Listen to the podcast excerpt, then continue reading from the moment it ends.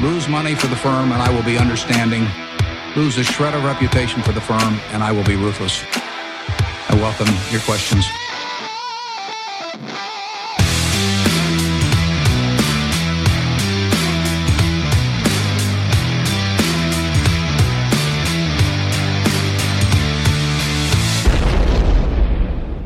Välkomna till Kvalitetsaktiepodden. Mm. Det är jag som är Ola. Jag som är Marcus. Ja, det är jag som är Klas. Det här är avsnitt 105 som spelas in onsdag den eh, 24 november. Oj, ja. Ja. min son gjorde det väldigt tydligt för mig här att det var exakt en månad kvar till julafton här idag. Så att, eh, Mm. ja, Det, det, är är, det är ju viktigt för vissa åldrar, ja, det där. mindre viktigt för andra känns det som. ja, Passerar rätt fort den här helgen nu för tiden alltså. Ja. Man man längtar tillbaka till analyserandet Mm. igen då. Mm. Nej, men det är två veckor sedan senaste podden. Det har gått med rasande fart tycker jag. Eh, någon sa i en annan podd att november bara är en mörk transportsträcka till december. Mm. Mm. Jag är beredd att hålla med det här året. ja, jag med. Ja, men nu öppnar kalendern upp sig mot ett dekorationsbelyst december. Med julklappsstress, feta julbord och hårda deadlines. Man tror att man har till, på sig till den 10 januari. I realiteten kommer man på den 18 december att ja, det är ju i, imorgon. Ja, Eller möjligen i övermorgon. Mm. Så sedan många år tillbaka inledde jag en eh, förebyggande omeprazolkur. Omeprazolkur redan i mitten av november. förebygg! Ja, och Ja, jag håller, jag håller full dos fram till 13 helgen brukar jag göra. Det här är, det här är vis av erfarenhet.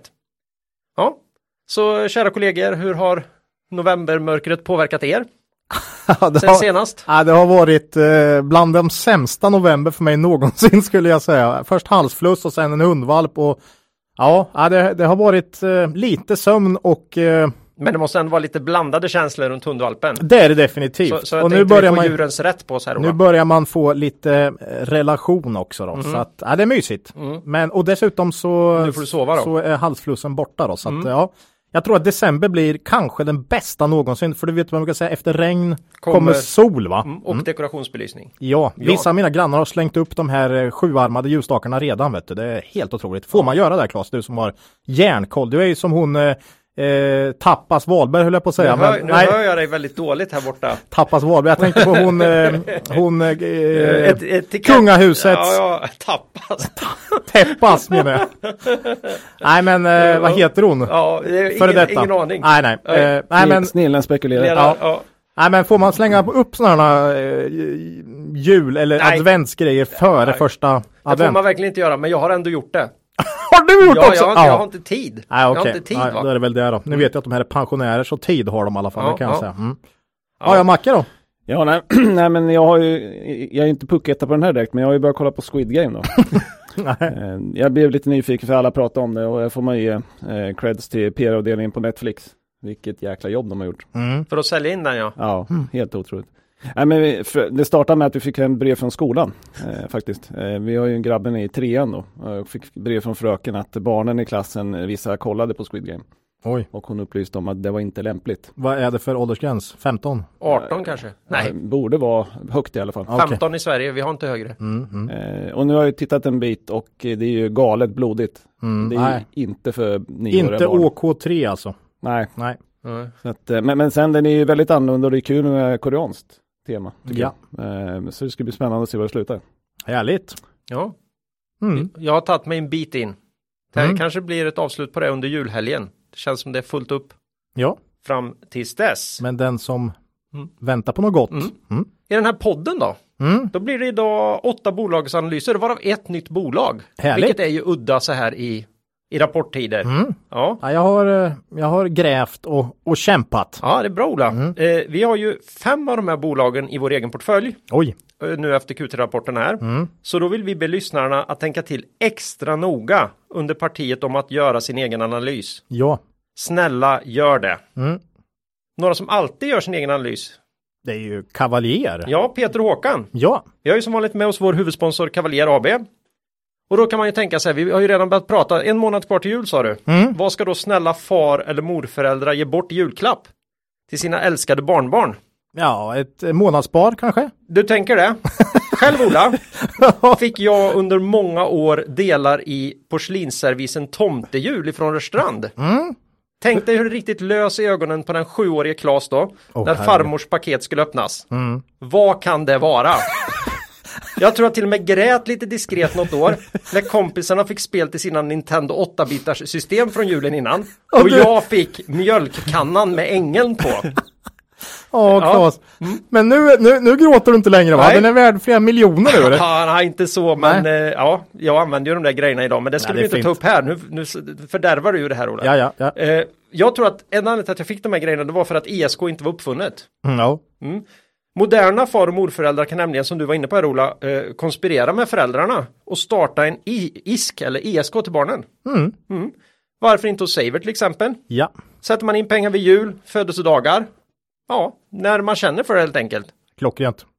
Och sen kan föräldrarna investera det här i eh, lämpliga fonder, till exempel från Cavalier. Ja. Vi har ju Quality Focus och investmentbolagsfonden. Ja, bra, bra alternativ. Mm. Kan man fördela lite där efter hur andan faller på.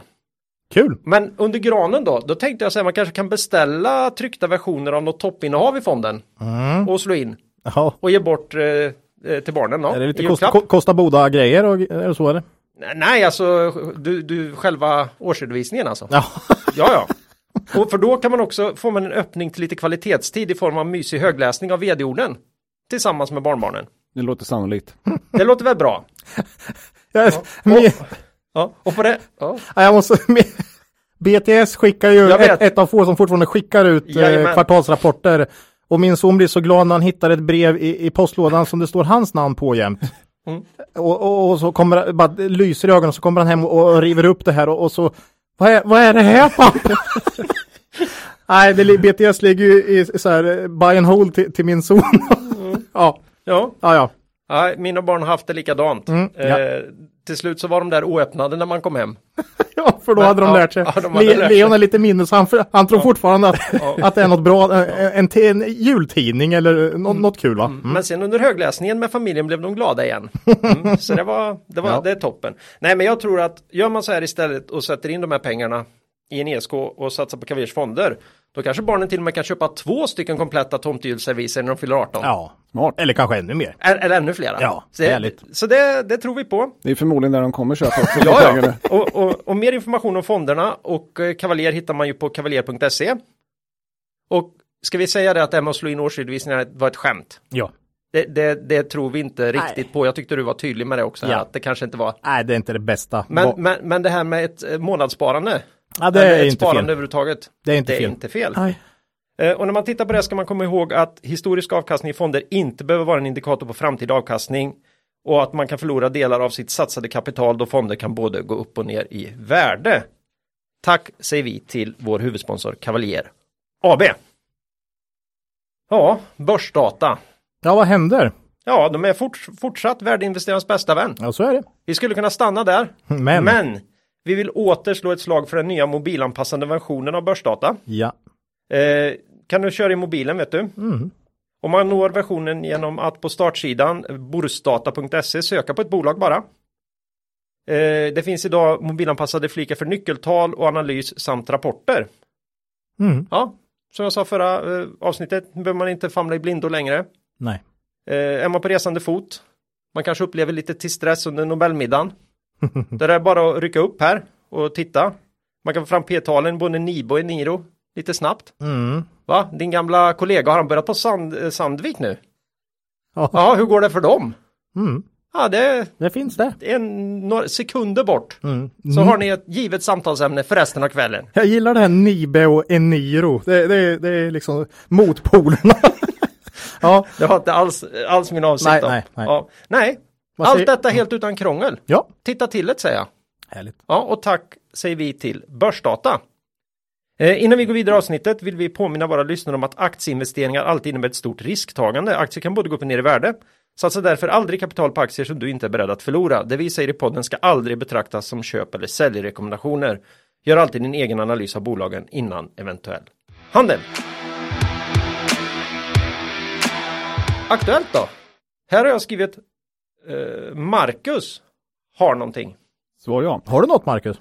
Nej, men jag tänkte lite på relativvärdering. som jag tycker lite har spårat upp på slutet. Mm. Ehm, och eh, ett par exempel som jag tänkte dra. Eh, Sinch följer här 20% på sin, eh, sin Q3-rapport 1 november. Eh, och så har jag kollat lite grann det vanligaste försvaret då av värderingen på Sinch. Eh, det är ju inte så mycket de egna prestationerna utan att eh, den amerikanska konkurrenten Twilio är högre värderat. Mm. Eh, Det är ju generellt sett inte ett bra köpargument, tycker vi. Eh, Det här användes flitigt under IT-håsen 2000, bland annat om mig själv då, för jag körde ganska mycket sånt. Eh, Det gick sådär, Mm. kan jag säga. Jag kollade Vis av erfarenhet. Ja, vis av erfarenhet. Nej, men jag kollade lite snabbt på Sinch Q3-rapport också. De har ju ett hemmasnickrat nyckeltal. Justerat ebitda-resultat per aktie. Det är ju... Va? Ja, Ebit- det är inte okej. alla som har, men Nej, de har, har så. De Per snickrar, snickrar till det, det, är ju, då, det då råkar vara lite högre än vanlig vinst. Jo, eh, hade det varit tvärtom så hade de nog inte hållit på och bemödat sig. Då hade nog inte blivit något. Nej men så det är lite högre. Men eh, då har de visat om det här på rullande 12 månaders eh, basis. Och det är bra för att jämna ut säsongseffekter. Men det här egensnickrade måttet då var eh, 1,68 nu. Men det var ner från 1,79 i Q2-rapporten. Mm. Eh, och en sekventiell minskning då med 6% är ju inte något en aktie. Men den här värderingen tål. Vad snackar vi P100 där eller? Eh, ja men om man tar aktiekursen 120 då så har man 71 på det här hemmasnickrade nyckeltalet. Mhm. Eh, Men om man då tar rapporterad vinst, rullande 12 eh, på 92 eh, öre, så har man P 130. Mm. Jo, det, Det är en aktie som kan falla 50% utan att vara billig liksom. definitivt. Det ska gå bra framåt, så kan vi säga, om, om det ska Här hålla. hade jag snabbt kunnat kolla i börsdata här om jag bara kan stava till Sinch. Det är inte lätt. Nej, det, det inser jag. Det måste man också kunna. Ja. Ja, nej men eh, så, så rådet är väl vara lite försiktig med den här typen av bolag. ja, Ingen nyhet för de som lyssnar på just den här podden kanske. nej. Eh, Men, men också drar den åt er om ni hör att främsta köpargumentet är att det finns en aktie för, för ofta på Nasdaq då som är högvärderad. Mm. Eh, finns ju ingenting som säger att just den aktien är rätt värderad. Nej. Nej, för vad händer om den aktien? Det är lite som att kolla på, på kompisens eh, matteprov när, som du sitter bredvid. ja, men det är lite den va? Du sitter och skriver och så bara, ja men vad fanken, han hade ju också fel va? Har, har han varit ute och festat hela Ja, helgen sig det är liksom, det är inte säkert det. Plugga? Är det, själv, är det självupplevt Ola? Många? Nej, jag tror faktiskt inte det, men jag vet någon i min klass på gymnasiet som var sur på en annan som han hade kollat på, men jag vet inte, det, det är ju inte bra alltså, generellt. Nej. Nej. Nej, relativ. Ja, nej, men, eh, och jag hade ett exempel till faktiskt. Eh, har ni hört talas om de här nyligen börsnoterade elbilsbolaget Rivian? Nej, Oh, Tesla-utmanaren. inte jag. Nej. Nej, men de, de har ju nyligen gjort en notering då i USA och eh, nådde eh, på toppen ungefär en värdering på 1200 miljarder kronor. Okej. Det är ganska mycket ändå. Ja, Men de Eh. säljer ju ganska mycket bilar och så redan, tänker jag. Ja, det var ju en analys i svenskan där och Ja. hur många bilar har de sålt Ja. än så länge? Ja, jag gissar... Eh... Jag vet inte, det kan, vara, det kan vara 500 stycken liksom. Ja, det är svårt är det. Ja, hur Om man många? inte vet om. 56. Jag tyckte jag var riktigt, jag tyckte jag var riktigt taskig. Men det var jävligt bra bilar alla de 56 Ja, det är bra. Det är kvalitet. Ja. Framförallt så tror jag att de har, är något på spåren. Ja, men den värderingen säger egentligen allt då. Eh, Men på temat eh, relativvärdering så var det en diskussion på CNBC då efter den här noteringen där man spekulerar om Tesla inte börjar se lite billig ut nu i förhållande till Rivian. Ja.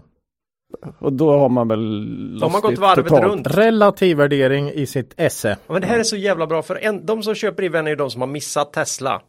Ja, mycket möjligt. Och, och liksom piskar upp den till helt sinnessjuka nivåer så att, Mm. så att folk som då ändå är med i Tesla kan tycka att ja men nu, Nu köper nu är det jag. inte, nu är det inte så farligt. Nu köper jag en. Så kan man växeldra upp sen. Ja. Det är lite som vi får den här frågan ibland. Vad är era bästa case om ni skiter i värdering på något sätt? Eh, jag har Ja, vi har ju sagt det några gånger. Ja fast Men- då säger vi att vilka är de finaste bolagen? Ja, men För det samtidigt, case. det går liksom inte att... Det är svårt att ta bort värdering från aktier. Mm. det, det är väldigt svårt, så att det är liksom inte en relevant fråga egentligen tycker jag. Eh, Men visst, man kanske säger så här, ja men då ska jag hålla koll på de här fina bolagen för att se när de blir rimligt värderade. Det kan man. Så det, det finns ju någon, eller hur? Mm. Men att ta bort värdering från ekvationen, det går ju inte. Inte när man analyserar bolag och aktier. Nej. Nej. Så var lite försiktiga där ute. Absolut. Bra Marcus, relativ värdering. Mm. Mycket viktigt. Ja. Eh, det var allt aktuellt vi orkade med här. Ja, för sen har vi ju en mängd, Mängd. rapporter här. Som vanligt. Ja, Vi skulle ju försöka ta det lite lugnt här. Mm. Det gick inte. nej, Men eh, jag tycker det är riktigt roliga bolag idag. Mm. Så vi, vi kör igång. ja, Och eh, vi börjar med ett bolag eh, som Macke kommer säga att eh, det här var med mycket förr tänker jag, eller? Ja, Eh, Bahnhof. Mm. Det här är ju säkert bredband med hög integritet. Har inte, har inte varit med sedan avsnitt 67. och det är 14 maj 2020. Var det då vi hade sålt efter våran lilla resa Ja, där under, var vårat- efter, efter Mm. pandemiraset? Ja, det var ju eh, de och Hartman som var våra tyngsta covid stabila covid-case. Ja, Betsson hade vi nog med tror jag, om jag kommer ihåg. Men ja, Mm. okej, Marcus, vad spännande. Ja, nej men det, som sagt, de har inte varit med på 17 månader, men när det var den podden, då såg jag att de här är med jätteofta. Ja, då, fram till dess. Fram till dess var det Ja. så. Men eh, nu är det dags igen då. Sen drog de iväg lite tror jag. Sen Mm. var det där, kanske. Eh, nej men Betsson har ju en enormt fin historik. Bahnhof menar du? Mm, Jag menar Bahnhof. Ja, Betsson, Betsson också i och med, för sig. skulle jag säga. Men Ja. det har ju ingenting Det med den tog här vi podden ju att i en tidigare podd Ja, här. ja. Så. Ja. Ja, det där klipper säkert Claes. Nej, aldrig, In, aldrig. Inte. För han klipper ingenting. Nej. Inte. Det ska ni veta. Ja. Eh, nej men Bahnhof har en väldigt fin historik. Eh, senaste tio åren växte omsättningen med 17 procent. Eh, vinsten med 18 procent. Oj. Det är enormt bra. Mm. Eh, lite långsammare på slutet dock. Eh, senaste tre åren har man växt eh, vin- eh, omsättningen eh, 11, vinsten 13.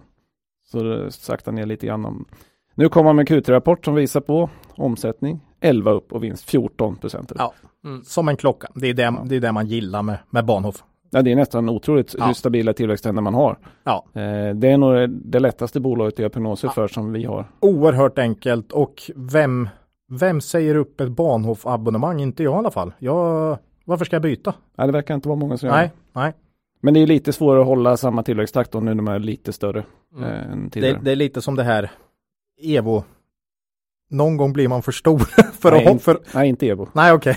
Men, men andra bolag. Alla bolag blir för stora någon gång för att hålla samma tillväxttakt, men inte Evo. Nej. Nej. Och det här kanske är någonting som är lite svårt att bara flytta på geografiskt också. Jo, det är sant. Mm. Det, där har Evo en stor fördel. Ja. Ja. Så, eh, I podden i maj då förra året spek- spekulerades det att eh, Bahnhof skulle vara en covid-vinnare. Eh, då efterfrågan på bredband borde gå upp när alla sitter hemma och jobbar. Eh, men i efterhand kan man inte se någon jättetydlig sån effekt. Eh, omsättningen gick upp 14 procent, eh, men det är ungefär som snittet. Mm. Eh, vinsten gick upp 29 procent, men det var ju lite mer på grund av att marginalerna 2019 var svagare än normalt. Just det. Eh, det var ett lite svagare år för dem. Ja. Eh, marginalen 2020 på 12,2 var ju också lite sämre marginalen 12,5 eh, 2018 men nära snittet 12,1. Så Mm. att, ingen stor covid-effekt Nej. på Bahnhof. Det, det spelar ingen roll vad som händer runt om i världen. Det. Bahnhof tuggar på med exakt samma. Ja. Ja men det är lite så. Ja. Eh, har varit länge i alla fall. Ehm, men det är en viktig variabel att kolla på i många case nu. Eh, huruvida man har en covid-effekt som är övergående eller inte. Liksom. Mm. Eh, när Q3 kom då var vi lite överraskade att man höll kvar eh, helårsprognosen det. och inte reviderade den. I, i Q2, Q2 då så sa man att Bahnhof behåller prognosen för helåret särskilt mot bakgrund av god, god orderingång under sommaren. Så man sa att sommaren kommer bli extra bra liksom och därför har vi kvar. Mm. Eh, men i Q3 så lämnar man prognosen oförändrad men sa ingenting nu istället. Alltså, jag vet inte om du har med det, men det är ju det är någon gång man har missat sitt mål Ja, eh, historiskt. vi, kommer kom, det? vi, vi kommer till det. Ja. Nej men man, man, man, eh, man har sagt att man ska omsätta 1,7 miljarder på helåret. Det är 15 procent upp från 2020 och nå ett rörelseresultat på 200 miljoner. 11 procent upp från 2020. Eh, Men problemet är att nu krävs det ju 509 miljoner i omsättning, 29 procent upp från Q4 2020 då. Oj. Eh, Och man har haft 11, 10, 11 procents tillväxt och nu ska ha 29. Ja, då ska han hitta på något speciellt Karlung alltså. Ja, och då hade man gärna velat att han förklarar vad är det som orsakar det här tillväxthoppet i Q4. I, Ja. det, här, i det stabila bolaget. Årets julklapp, nytt bredband. Ja. som har, nej. Kanske har någon sån eh, liksom, grej på gång. Nej men skämt åsido så att det är väl väldigt sannolikt att man kommer missa den här prognosen. Mm. Eh, men, men då kommer jag in på vad, vad kommer marknaden göra då? För att förmodligen kommer ju Q4-rapporten eh, missa prognosen men ge en ny prognos för 2022. Ja. Och förmodligen kommer marknaden titta på den då istället för att man missade den här prognosen. Så har det varit förr. När de har Ja. missat. Precis så. Och, och, och det är väl liksom naturligt, marknaden är framåtblickande. Mm. Eh, och jag tror därför man inte reviderar den här nu utan man ville kunna ge en ny prognos i, i Q4. Ja, samtidigt är det så här, han borde ha järn, eller han, de borde ha järnkoll för att de vet ju precis hur många abonnemang de har när de går in i Q4. Mm. Så Absolut. ska de ha 30% TV måste de ju ha en rejäl tillväxt i nya abonnemang, för det är där de fakturerar Mm. på. Det räcker ju inte att ta dem mot slutet på kvartalet, Nej. utan Alltså jag, jag tror inte att de tror Nej. att de ska nå den här prognosen. Eh, Men som sagt, hur, värdet i Bahnhof ligger ju inte hur när man når huvud, eh, prognosen för 2021 utan det är långsiktiga caset. mm. Eh, Bahnhof är ju ett kvalitetsbolag i våra ögon. Eh, enligt Svenskt kvalitetsindex då så anser kunderna det också. Eh, man vann för tredje året i rad konsumentundersökningen om, eh, om Sveriges telekom och internetoperatörer. Jag förstår det. Bra jobbat. Mm. Eh, man har alltid också stått upp för kundernas integritet eh, i större sammanhang än sina konkurrenter. Då. Eh, och ett område som man lyfter i rapporten är att det finns säkerhetsmässiga och juridiska frågetecken kring utländska molnlösningar. Och då säger man att man agerar och hjälper svenska bolag att flytta hem sina tjänster till Sverige. Mm. Eh, Och att det här är då en fråga som ja, kommer öka i aktualitet då. Och att det kan vara en bra selling point för Bahnhof. Ja, absolut. Känns ju rimligt. Där har de ju eh, hittat en nisch kan man säga. Ja. Eh, sen har de ett stort projekt som är lite svårbedömt och det är ju det här Elementica. Ja, vad händer där alltså? Ja, det, målet är att uppföra ett stort datacenter i Stockholms innerstad. Då. Eh, det har ju varit lite märkliga turer här där man sålde ut eh, aktier i, dotter, i projektbolaget då, eh, till, till investerare. Sen blev det förseningar i det här och så köpte man tillbaka dem igen. För samma Mm. pris? Ja, jag tror ungefär samma Ja, pris. mm. Så jag tror inte någon förlorar så mycket pengar. nej, nej. lite alternativkostnader kanske. Ja. Vi ska väl Eh, inte låtsas annat än att det fanns en liten baktanke när Marcus fick komma med här. Han eh, bor ju så till att han åker förbi det här. Det här, det här, den här Nybygget. förhoppningsvis framtida byggarbetsplatsen mer eller mindre varje vecka. Ja, det är ju så. Jag kommer ju ha råkoll på det här. Mm. Eh. Många andra hade ju arbets, arbetsställe inskrivet i sin när man får nya jobb. eh, Marcus hade ju bostadsställe va? Han får helt enkelt inte flytta förrän det här skiten är är så, så vi har järnkoll Vi på har en sån här, järnkoll. Ja, på Bahnhof. Ja. Mm.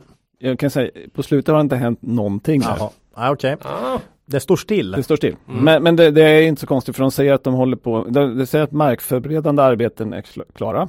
Och det är det för det är bara plant. Jaha. Huset är borta. Sist jag var där och något år sedan så var det i alla fall ett stort hus där. Men, ja. Ja men det ena huset i alla fall rivit. Jag vet inte om de ska riva det andra. Det ser ganska risigt ut också. Ja. Men de har rivit ett i Tillhåll fall. för råttor och människor som gillar spöklika ställen. Ja, grabben tycker det är jättekul att åka förbi. För det är vissa rutor som är trasiga. Så. Ja. Det tycker jag är spännande. Eh, Eh, nej men de säger bygg, bygglovet är beviljat. Eh, man har ett inplanerat tekniskt samråd med Stockholms stad och Trafikverket i början av december.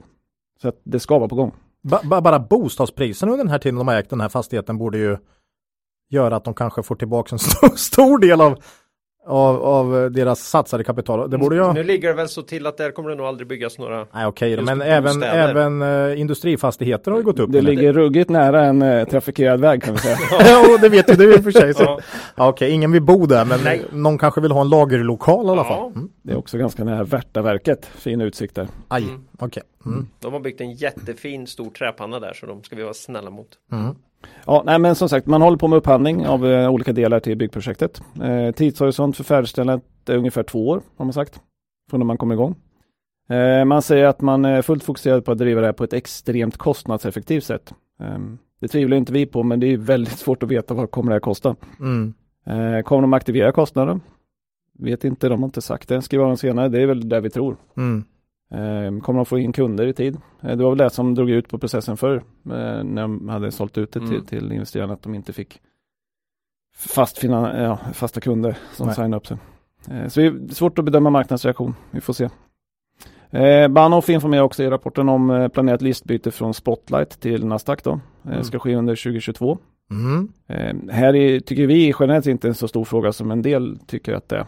Eh, och vi tycker att man kan övervärdera den här typen av händelser. Mm. Eh, levererar ett bolag så kommer investerarna oavsett var det är noterat. Ja, det är väl snarare free float och storlek och sånt där. Och... Ja, viss indexfonder skulle kunna vara Mm. tvungna att köpa in sig om man kommer in i ett visst index. Eh, För de här lär komma in rätt på midcap antar jag. Ja, det är Ja. ganska stort. Så. Mm. Mm.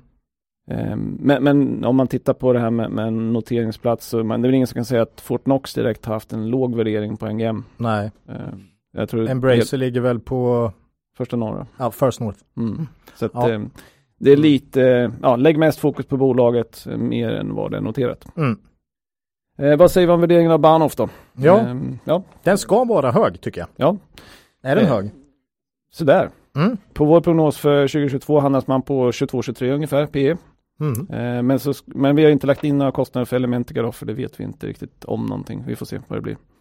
Eh, Bahnhof har dock en urstark finansiell ställning, nettokassa 384 miljoner, inga lån. Eh, så ev-ebit eh, på vår prognos är 16 då, Mm. för 2022. Ja. Det det, är ganska rimligt. ja, det här är ju ett låg, lågriskalternativ. Ja. Solklart. är det är ju. ju med i ett antal buy and hold Ja, vi har haft med den i våra buy and hold också, historiskt. Mm. Så att, eh, och EV ebit 16 är faktiskt samma som de med förra gången för 17 månader sedan. Jaha, Så ja, Den har hunnit gått upp och ner i kurs. ja, just det. Eh, vi har inga aktier just nu, eh, men vi bevakar bolaget noga. Mm. Eh, sen har jag en post i pensionssparandet. Eh, och jag fick förresten en fråga på Twitter här såg jag. Det var någon som tyckte att han verkar ha väldigt många aktier i pensionssparandet. Det var jag som skrev den, men Var det du? Nej, från ett, nej. Får ett Från ett alternativ, från ett alternativkonto. Ja, ja, ja. Ditt trollkonto. Ja. Ola Nej. trollar. Ja, Ola trollar. Ja, nej men och det stämmer. Det är nog 50-60 bolag ungefär. Härligt. Det, och det är ju alldeles för brett egentligen men 50-60 kvalitetsbolag, det ger ändå en stabil och ja, bred utveckling. ja, och det är ju planen. Ja. Eh, Men eftersom det är då kvalitetsbolag så är det ju sannolikt att många kommer dyka upp i kap även framöver. Du har väl med en Nibe bland annat? Ja, jag har faktiskt en post med Nibe. Ja, du jag ser. skulle aldrig nyköpa men, men Nej. jag tänkte om jag, om jag säljer de sista så kommer jag aldrig någonsin vara jaktägare. Säg inte det vet du, efter nästa totala Det kanske kommer ut att du har sålt så rasar det. Ja, förmodligen. Det har nog med mig att göra. Nej, men så att Ja. jag har faktiskt kvar en liten sån. Jag har lite BTS också. Faktiskt. Härligt. Det är brett. härligt. Mm.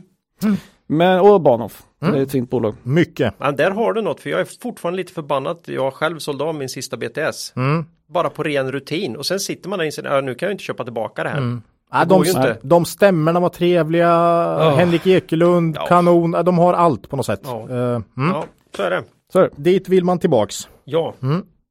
Ja, Det var det. Mm. grymt Macke. Det börjar bli Toppen. lite intressant igen då, kanske. Ja, Mm.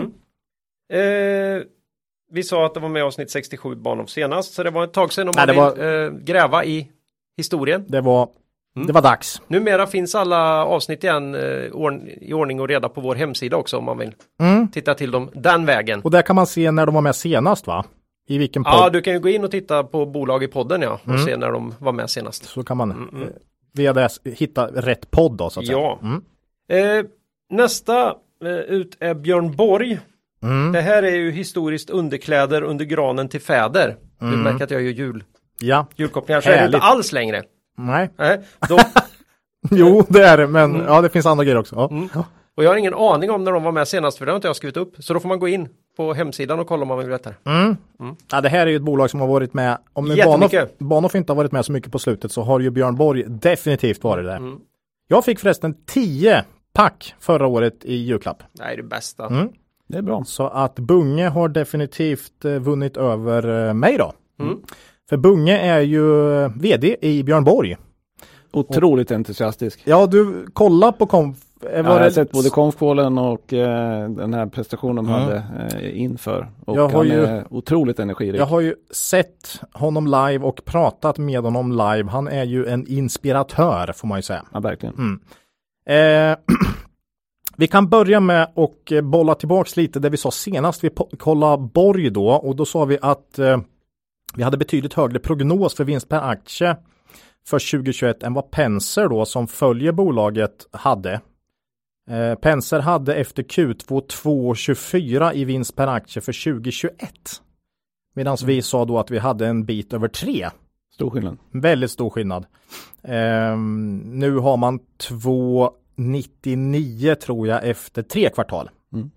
Och efter Q3 har nu Penser höjt sitt estimat till 3,30 för i år. Så att rejäl höjning av Penser. Här får vi nog säga att de låg för lågt. Mm. Medan vi hade mer rätt då. Eh, För den här Q3 kom väldigt nära våra prognoser faktiskt. Mm. Och generellt så har det varit så i den här rapportperioden. Jag tycker eh, bra analyser har vi gjort. Eh, omsättningen ökar med 7% Omsättningen för egen e-handel och e-tailers ökade med 23% Så den här trenden att online går starkt fortsätter ju i Björn Borg. Mycket viktigt. Mycket viktigt. Man fortsätter dessutom minska antalet egna butiker. Och eh, i kvartalet genereras mer än 50% av omsättningen från online och då är det alltså deras egen e-tailers och återförsäljares hemsidor. Tydligen går det väldigt bra på Zalando. De har dubblat flera år i rad. Okej. Mm. Ja, nej, men så att Björn Borg är ju mer och mer eh, online. Definitivt. Eh, och ja, Det, det, ju... det finns en intressant dragning som de gjorde innan rapporten, någon månad innan. Mm, Kan vara med Penser också tror jag. förmodligen. Mm. Ja. Den är värd att titta på. Ja, resultatet steg eh, med 56 procent och bakom den här fina resultatutvecklingen döljer sig flera faktorer. Man kan väl lyfta fram minskade kundförluster. Man hade en hel del förra året under covid då, faktiskt. Eh, och eh, de har minskat i år då betydligt och dessutom så har man ju eh, ett betydligt lägre eh, hyreskontrakt då nu. Man flyttar ju till mindre och billigare lokaler. Det är inte alla företag som gör sådana. Det är liksom lite prestige. Eh, Men det ska bli intressant att se inom retail nu n- nästa år hur många som har förhandlat om kontrakten. Jag tror att H&M kan ha en ganska väsentlig ja, just där. det. Borg har ju inte så mycket butiker kvar. Nej, nej men, men, men, rent generellt. men generellt Mm. för eh, fysisk handel så borde det kunna bli lägre kostnader. Mm. Eh, mycket möjligt. Nej men Björn Borg och sen har man en högre bruttomarginal nu än man hade förra året. Valutan har ju gått med dem men det såg jag, det gjorde inte jättemycket ändå. Ja, ganska flätt. Ganska flat. Eh, alltså jag tycker ju det mest intressanta nästan som var lite nytt i eh, konfkålet här från Bunge var att man pratar om en internationell expansion som man inte riktigt har pratat om förut. Det har mest varit de här gamla klassiska Sverige, Finland, Holland. Eh, nu har man brutit sig in lite i Tyskland, men nu pratar man mer om man vill bli en europeisk spelare och efter det ska vi ta världen. Någon form av eh, liksom framtidstro som han inte riktigt har uppvisat förut. Det var USA också. USA, ja, precis. Mm. Det har vi kollat för i den här podden när eh, Björn Borg, när Björn Borg-filmen Ja, gick upp Kom. och vi trodde att det kunde få ett driv i USA. Det Ännu bättre blev det när det kom fram att den skulle heta McEnroe i USA. Just det. Ja, den hette ju det. Ja. Synd för dem. ja. Eh, ja, ja, nej, men det är lite spännande faktiskt tycker jag att han har eh, förändrat sitt sätt att prata lite om, om tillväxt då. Eh, tillbaks till Penser här, om vi inte var riktigt överens med dem inför Q3 här så får vi nog säga att vi precis som Penser tror på lite lägre marginal under 2022 här. Eh, och eh, väldigt bra stort marginalhopp upp för Borg i år. Eh, nu kan man väl säga att det finns en hel del faktorer här som inte talar för att marginalen ska ner igen. Eh, hyreskontrakt är ju beständigt. Eh, hela den här liksom omstruktureringen mot online är ju beständigt och eh, de här kundförlusterna från förra året eh, kommer förhoppningsvis inte tillbaka och sådär. Så att de har gjort något rätt. Valutan har i och för sig gått emot dem. Nu har dollarn vänt lite på slutet. Man vet inte riktigt, men vi tror ändå på viss marginaltapp nästa år, för det var extrem ökning i år då. den här prestationen som de hade om e-handeln var intressant. Eh, Det visar de ju att det hade skalat väldigt bra, deras egen e-handel från, eh, på, på egna hemsidan då. De hade gått från en ebit-marginal på minus 13 har jag för mig upp till 23 Ja. på, på fem år. Eh, Och det är en enormt bra skal, skaleffekt. Ja, och det är väl 10-15 procent ungefär tror jag som är deras helt egna va? Ja, Om jag kommer ihåg rätt. Så den skalar ju bra. Mm. Däremot är det lite lägre bruttomarginal vad jag vet när man säljer till e-tailers Ja. då. Nej men då får man ju dela lite grann. Eh, ja, men för nästa år, vi tror på 3,20 i vinst per aktie för 2022. Penser har 3,10 så vi ligger ganska nära varann för nästa år då. Ja. Eh, men som sagt, möjligt att man är för pessimistisk. Alltså bolag i bra momentum, det är så lätt att underskatta utvecklingen och att man säger nej, det här är en bra bit över det historiska snittet, men det kanske är åt det hållet det är på väg. Det behöver bli dags att se över målet, för målet är ju 10. Ja. Och då blir vi alltid lite oroliga varför har man inte sett över det liksom. Så är det. Eh, P talet på vår prognos här då nästa år 14-15. Det är inte jättedyrt om Borg håller uppe det här drivet. Eh, och dessutom kan man kanske då äntligen locka över investerarna med den här online brand storyn. Eh, och lägger man till det då någon form av tro på ex, in, eh, liksom internationell expansion till storyn. Ja, då kan ju Borg bli ett, ett bolag som värderas upp. Mm. Helt klart alltså. Eh, Förutom det så är ju Björn Borg ofta en bra utdelningsaktie då.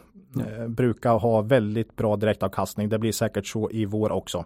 Vi har faktiskt köpt och sålt en hel del i Björn Borg under året. Eh, den har rört väldigt mycket på sig så det har liksom eh, det har liksom trillat ur lite ur vår fokus och sen kommit in igen och, och sådär. Eh, senast köpte vi på ungefär 35 här i den lilla nedgången i höstas. Och de här aktierna sålde vi nu efter rapport och vi är lite oroliga för marginalerna nästa år och att de inte riktigt håller. Eh, Bu- Bunge får gärna bevisa att vi har fel här. Mm. Eh, vi gillar Björn Borg och Aktien är med i vår buy and hold i flera av våra portföljer där och eh, ja, vi äger inga aktier just nu men intressant bolag. Ny buy and hold förresten nästa avsnitt. Mm. Eh, eller hur?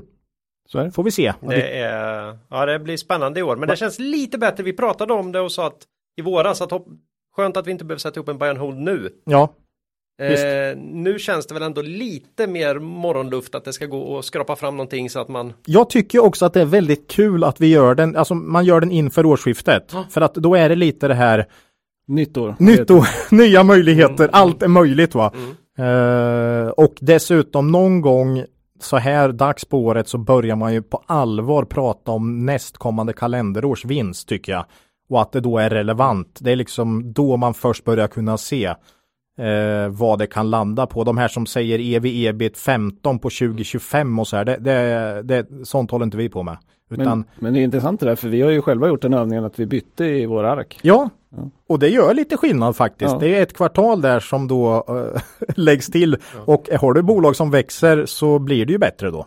Mm. Därav svårt att kritisera Bano för att de har släppt sin årsprognos för i år. Då. Ja, men de Och- kunde ju ha sagt. Och blickar, de och blickar kunde- framåt. De kunde ha sagt att de gjorde det. Ja, ja, ja. ja. Ja. ja. men Nej, här, men det- här inser jag att jag sa att vi hade ju fem, eh, fem bolag som vi ägde. Då räknade jag in Björn Borg för att jag är ju oerhört committad till Björn Borg eh, i privat. Okej, ja. Så att, eh, men i, i eh, Jag kan också, företaget här har vi inget. jag tror eh, min son har det också i en buy and hold. Ja, jag har det också i Mm. kapital. Eller i man- Nu pensionsförsäkring. blir jag ju chockad här. Ja, jag förstår att det var överraskning. Inte, Bli- inte Björn Borg Om Macke också. inte har det i sin, Då ska man då bli ska man bli riktigt orolig, orolig. alltså. För då Ja. är det inte kvalitet. Nej, nej. så Okej. är det. Eh, det var Björn Borg. Ja, Mm. Eh, var med faktiskt i avsnitt 99. Mm. Visade det sig. ja. Ja, du har hittat det. Mm. Eh, nu är det så här att eh, återigen i den här podden då eh, så är vi ju sponsrade av Affärsvärlden. Ja, det är härligt. Mm. Affärsvärlden är Sveriges ledande affärsmagasin. Kommer ut varje vecka med ett nytt och tankeväckande nummer. Mm. Och i avsnittsbeskrivningen finns en länk till eh, för, eh, ett förmånligt erbjudande på deras produkt Premium Digital i tre månader Ja, till halva det ordinarie priset. Inga strings attached i övrigt. nej, bara testa. Ja, och vill man istället gå in direkt eh, på Affärsvärldens prenumerationssida så anger man bara koden kvalitetsaktiepodden med små bokstäver som kod och så har man tillgång till erbjudandet den vägen. Mm. Och eh, i samband med det här så tittar vi till då någon av Affärsvärldens aktuella analyser och eh, idag föll vadet på G5 Oj, det var länge sedan. mm, som av Affärsvärlden eh, som de analyserade nummer eh, 46 som kom ut förra söndagen. Mm. Och i det här numret så intervjuas även då den här mobilspelsleverantören G5s vd Vlad Suglobov. Också på omslaget Ja. till eh, Affärsvärlden. Mm. Mm. Och framför, han är tecknad där, framför en font som jag tror är från spelet Jewels of Rome.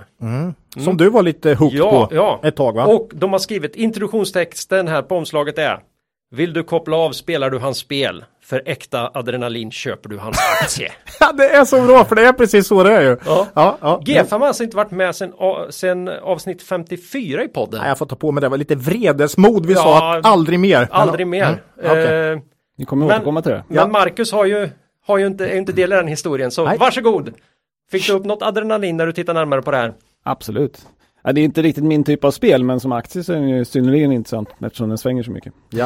Eh, nej, men eh, som sagt, jag, jag får ju ta det då eftersom ni sa att ni inte skulle röra det någon Ja, mer det är gång. bra. Vilket, vilket bra sätt att komma ur det här. Ja. Eh, nej, men det var ju Daniel Zetterberg på eh, Affärsvärlden då som körde det här i nummer 46. Eh, Så det kan man titta på också. Eh, vi kommer ge våra kommentarer till analysen och vår syn på G5 då. Eh, de har ju som sagt inte varit med på lite över två år. Och det var efter Q3-rapporten 2019 som var en riktig kalldusch. Eh, och jag kommer återkomma lite till det sen. Men två år senare så är det dags att de är med igen då. I den här analysen så beskriver Affärsvärlden då att bolaget fram till 2018 var en riktig tillväxtraket. Det var mycket drivet av storsäljaren Hidden City eh, som inlic- inlicensierades från en annan aktör då. Just det. Eh, Men när det här spelet börjar tappa intäkter så skiftar man fokus mot att utveckla fler egna spel då. Eh, Och det här var ju väldigt framgångsrikt. De egna spelen har gått från 35% av intäkterna till eh, i början på 2019 till 66% Ja. senaste rapporten, så en rejäl ökning. Eh, Och intäkterna har, har inte sjunkit ihop utan de har stigit 10% från 2019 till eh, 21 då. Det är bra. Så att, Det var min eh, nästa fråga. Ja, för Det jag beror lite på hur, oms- hur omsättningen har gått. Och det var därför jag tog med det också. Ja, det, här är, det kommer man inte åt. då vet jag att man pratar om att det skulle gynna bruttomarginalen. I alla Ja, fall. det kommer också komma. Härligt. Eh, nej men eh, så det, man har gjort det väldigt bra, får man säga. Eh, affärsen eh, tar vidare upp då att man hade en väldigt negativ reaktion på Q3-rapporten. Eh, aktien följer 17% på en dag. Eh, Ja. Extremt mycket. Mm. Eh, framförallt var det tillväxten som var en besvikelse. Omsättningen föll 1 eh, 6 sämre än vad analytikerna hade gissat då. Eh, Rörelseresultatet 56,5 miljoner var sämre än väntat, 64 då. Eh, och eh, affärsvärlden skriver då att jämförelsekvartalet i år sannolikt var lite coronadopat, Mm. som för många spelbolag då. Ja. Eh, och omsättningen i det kvartalet var upp 10% från året innan, så viss pandemieffekt kan det ha funnits. Eh, dock sa ju då Vlad i en intervju innan Q3 publicerades som jag såg, eh, att eh, det var mest Q2 som var covid-påverkat då. Okej. Men nu efter Q3 så sa Vlad att jo men Q3 var nog lite covid-påverkat. Ja. Ja, ja. så att eh, det är lite osäkert och eh, man har lite ändrat eh, story där. Mm. Men det är inte så viktigt för helhetsbilden. Nej. Eh, för det viktigaste är ju hur det går för spelen såklart. Ja. Um, Affärsvärlden beskriver att eh, bolaget under 2020 då släppte tio nya spel. Oj, Eh, ja det är mycket. Det, är, eh, det här Sherlock är den klart eh, ly, lysande stjärnan då. Eh, har gått eh, till det tredje största spelet med 10% av intäkterna. Snyggt. Det är bra. Eh, och framöver har man nio spel i pipeline för 21-22 då. Tre stycken ska mjuklanseras innan året är slut då. Sen är det ju inte helt lätt att förutsäga eh, hur det kommer gå för spelen. Eh, det är ju jättestor konkurrens inom mobilspel. Ja. Ehm, Och inte lätt att veta vad som kommer slå. Eh, G5 sa själva på konfkålet efter Q3 att man kommer släppa några säkrare spel. Eh, Men också några mer utforskande spel. Där man inte alls vet hur det kommer gå. Men man vill testa. Ja. Det är en bra strategi. Men alltså eh, Hidden City och de här, det är ju det du gör. Du utforskar olika och letar efter ja. saker att klicka på. Hidden objects-spel Mm, som det mm, mm. Så jag hoppas inte det är mer av samma. the hidden earnings. Mm. Hidden earnings. Ja. Man ska hitta. Ja. Eh, nej men det är viktigt att eh, Sherlock eh, växer vidare då. Eh, för att det tar ju ett tag innan eh, liksom, de nya spelen får ordentlig fart som täcker upp de äldre som mognar då. Eh, men sen är det så att sådana här spel som är så kallade run-off eh, på slutet av sin karriär så att säga eh, kan vara väldigt lönsamma. För man spenderar inte lika mycket på marknadsföring då och då kan man tjäna ganska mycket pengar på dem. Just det. För när spelen tar fart i början så vill man ju att de ska få en stor publik så då spenderar man rätt mycket på marknadsföring så att Mm. sluttampen så att säga kan vara väldigt lönsam. Ja. Eh, Long tail. Long Long tail ja. Mm. Precis. Men de har väldigt lång. Mm. Eh, en fördel som G5 också framhåller rörande spelutveckling är att man har- är baserad i Östeuropa. Eh, som har ganska låga eh, produktionskostnader och eh, ganska snabbt når break-even på sina spel. Eh, Ja. liten, liten edge för dem. Just det. Eh, sen är det ganska kul tycker vi då med ett bolag som har en tydlig nisch eh, som inte är som alla andra spelbolag utan de eh, riktar sig primärt mot kvinnor över 35 år. Ja, Mm. kommer du ihåg detta? Ja. Jag nämnde inte det innan för jag tänkte att du hade inte med det. Men då var ju min fråga, de tänker fortsätta jobba, jobba så även med de här eh, nya ex, alltså, utforskande spelen. Det är, Ja, De håller sig vid sin läst. Ja, som jag har förstått det så, så är det det som man, har, eh, han sa någonting att våra, våra spelare gillar inte att döda tror jag han sa något liknande. De gillar inte våld eller någonting sånt. Så att, Nej. Men det är, det är ganska fint tycker jag. Mm. Ehm, Mm. Men det är, det är, jag förstod också på, på Konfol, det är mycket i USA de riktar sig. Amerikanska hemmafruar tydligen spenderar en del pengar. mm. Eh, En sak som affären inte tog upp då eh, är effekten av user acquisition, UA, eh, marknadsföring då av spelen. Det här är ju bolagets marknadsföringskostnad till exempel annonser i andra populära spel då. Mm. Eh, här blir det ju såklart mycket dyrare om man annonserar andra spel än i sina egna då. Där är det mycket mer kostnadseffektivt då. Ja. Eh, så här får man ju lite av en nätverkseffekt om man blir framgångsrik då. I och med att man kan lättare få ut sina nya spel i sina gamla spel. Just det. Mm. Så att eh, det är en stor fördel att bli stor. Må- många bra spel. Det, då blir det ännu lättare. Så Exakt, det blir en positiv är effekt. snöbollseffekt på något sätt. Exakt. Eh, och sen har ju UA extremt stor påverkan på resultatet. Eh, Ja. Den här posten har ju historiskt varierat ganska mycket och varit svår att prognostisera. Och exempelvis då i Q3 2019 så steg den från 25 eh, i Q2 2019 till 42 procent Av, oms- av omsättning. av omsättningen. Ja, det, Blåste på och gick från vinst till förlust. det var ju då vi sa att nej, nu får det vara bra. Där tappade Kap tålamodet. Ja, vi hade sålt innan vet jag. Men det var mer tur. Mm. Eh, det var på något extremrally eh, från någon TIO-analysen och sånt där. Ja, något no crazy. Innan och så sålde vi men vi tappade lite förtroende. Vi tyckte det var helt omöjligt att göra prognoser efter den rapporten. Det kändes som att hur fanken ska man veta det här? Mm, Men eh, ja, de är, det är en viktig faktor. absolut. För du får ju inte in intäkter från de här kanske direkt utan det tar några kvartal. Mm, ju Men en det på- Ja, men det påverkar eh, vinsten direkt. direkt. Så att ja. Eh, nej men så det var ju därför som, som, som, som man fick en liten förtroendekris där. Mm. Eh, men en anledning till att affärsvärlden inte tog upp det här kan ju vara att eh, de senaste sju kvartalen har man legat väldigt stabilt. Mm. Eh, runt 20 till 22. Ja. Eh, och det är ju klart lägre, för 18-19 låg man 26 till 29 ungefär. Så att man har eh, behövt spendera lite mindre då. ja, det är ju skönt. Nu har inte Mm. omsättningen Och vuxit det så har mycket. stabiliserats. Ja. Mm. Eh, och på konfkålet hade man en bild över 21-22 där man sa att det skulle ligga inom rangen eh, 17 till 22 då. Ja, bra. Eh, så att om man nu håller sig till det här och har lite större förutsägbarhet då eh, rörande UA så tror vi att det kan bli lite stabilare kursutveckling. Skönt. Eh, sen vill man ju också i och för sig att ser man stort värde att de, att de kör med UA då. Men, men eh, det är bra med mer för, förutsägbarhet. Mm. Eh, G5 har ju då angett själva att man har 50 av intäkterna utanför Google och Apple. Det är ju, tycker jag, är väldigt högt för mobilspelsföretag. Ja, Mm. Eh, Extremt högt. Så att, men, eh, och det här är ju, har ju tar affärsvärlden upp som en eh, förklaring till att man inte drabbas lika hårt av Apples de här integritetsändringarna IDFA. Som de har ju kört. Det är det här med att man eh, får möjlighet att stänga av spårningen då. Och det är många som har valt att inte vilja bli trackade då. mm. Jag för mig Stillfront tog upp det här som ett, Ja. ett, ett problem då. i- Jag älskar de där när de försöker få en att att klicka ja på det där för att då kan du få mycket bättre och mer relevant eh, reklam Ja. just dig. Jag vill inte ha det. Jag vill ju inte ha Nej, reklam, precis. någon reklam. Så, så du klickar nej då kan vi säga? Ja, och då, får Jag, och då får jag fortfarande precis lika mycket reklam fast sånt jag absolut inte bryr mig om. Nej, men då slipper jag få, du borde ju slippa få reklam för den här boken jag redan har köpt. Mm. Eller den här tvn jag tittade på lite för att grannen hade köpt. Ja. Då slipper jag få den närmaste halvåret. Mm. Vi, Det är rätt skönt. vi var inne och tittade, eh, googlade på Thailandsresa kommer jag ihåg för några år sedan. Och sen den där annonserna, de förföljde oss oavsett vilken sajt vi var Ja, på. ja. Ja. ja. Och ännu värre, om du nu faktiskt hade köpt den här Thailandsresan, då hade de fortsatt att vara där. Ja. För det har de ingen koll på. Nej, det är för jobbigt. Så är det. Mm. Men den här förändringen då har eh, påverkat andra utvecklare mer än eh, G5, sa, sa Vlad då, för att man har flera olika kanaler då.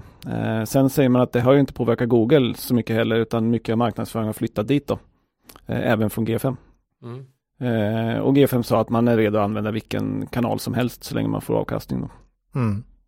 Eh, affärsmännen tar i analysen också upp ett par saker som eh, pekar mot högre lönsamhet framöver. Ja. Eh, och en viktig utveckling är att den här Microsoft Store då som är Microsofts eh, eh, spelförsäljningssajt då. Eh, de har sänkt avgiften för att distribuera spel på, på deras plattform till 12 då, ja. från 30.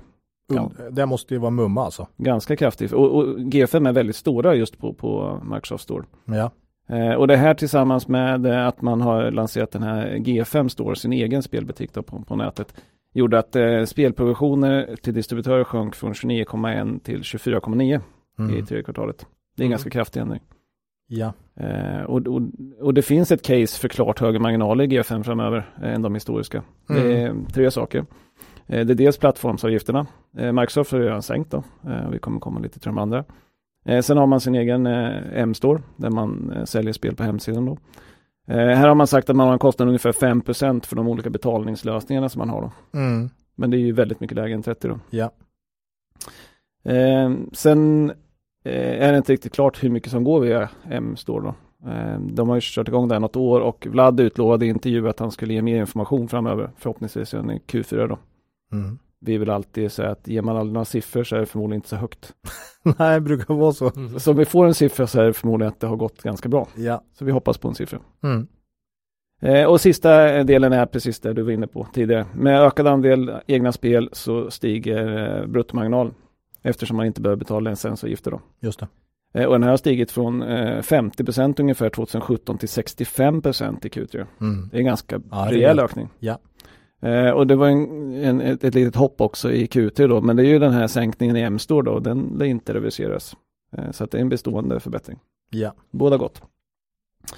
Eh, en sak som eh, man ska noga följa då, som affärsvärlden lyfter fram då, är den här eh, rättstvisten mellan eh, Apple och Epic. Det är ju kring Fortnite där då, som ni säkert har hört talas om de Ja. flesta.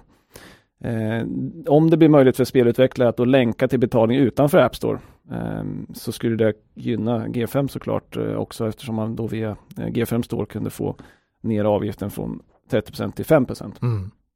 Eh, sen skulle inte alla, alla gå dit och göra det, men det kan ju finnas ett gäng som gör det av lojalitet och så vidare. Eh, och då ökar ju pressen, eh, pressen på plattformsföretagen att ta fram en annan lösning. Och skulle de sänka Apple eh, så skulle säkert Google också följa efter. Ja. Det är ganska hård konkurrens mellan de två. Mm.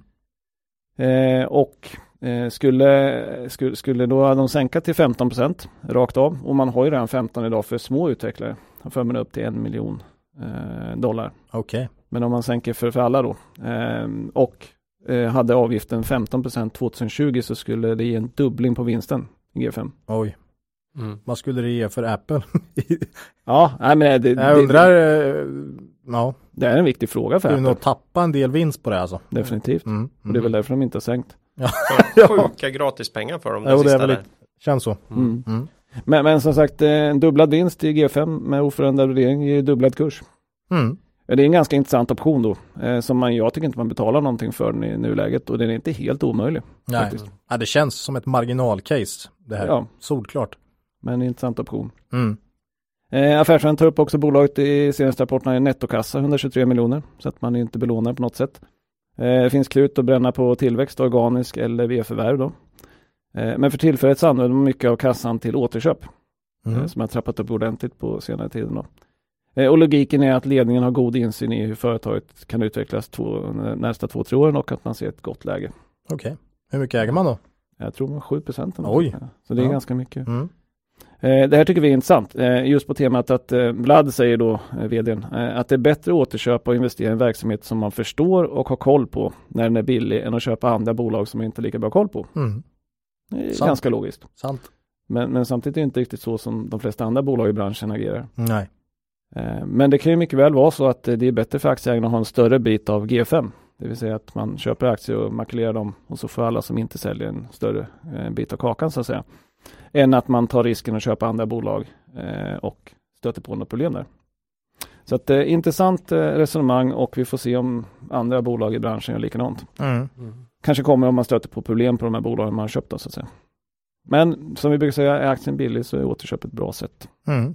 Svårt att veta här, men Ja. de, de, De tycker det. de tycker det. alla. Ja. Mm. Får se om de får rätt. Eh, Affärsvärlden då kalkylerar med en omsättning på 1,34 miljarder 2021. Eh, tillväxt på 8% i Q4 kräver det då.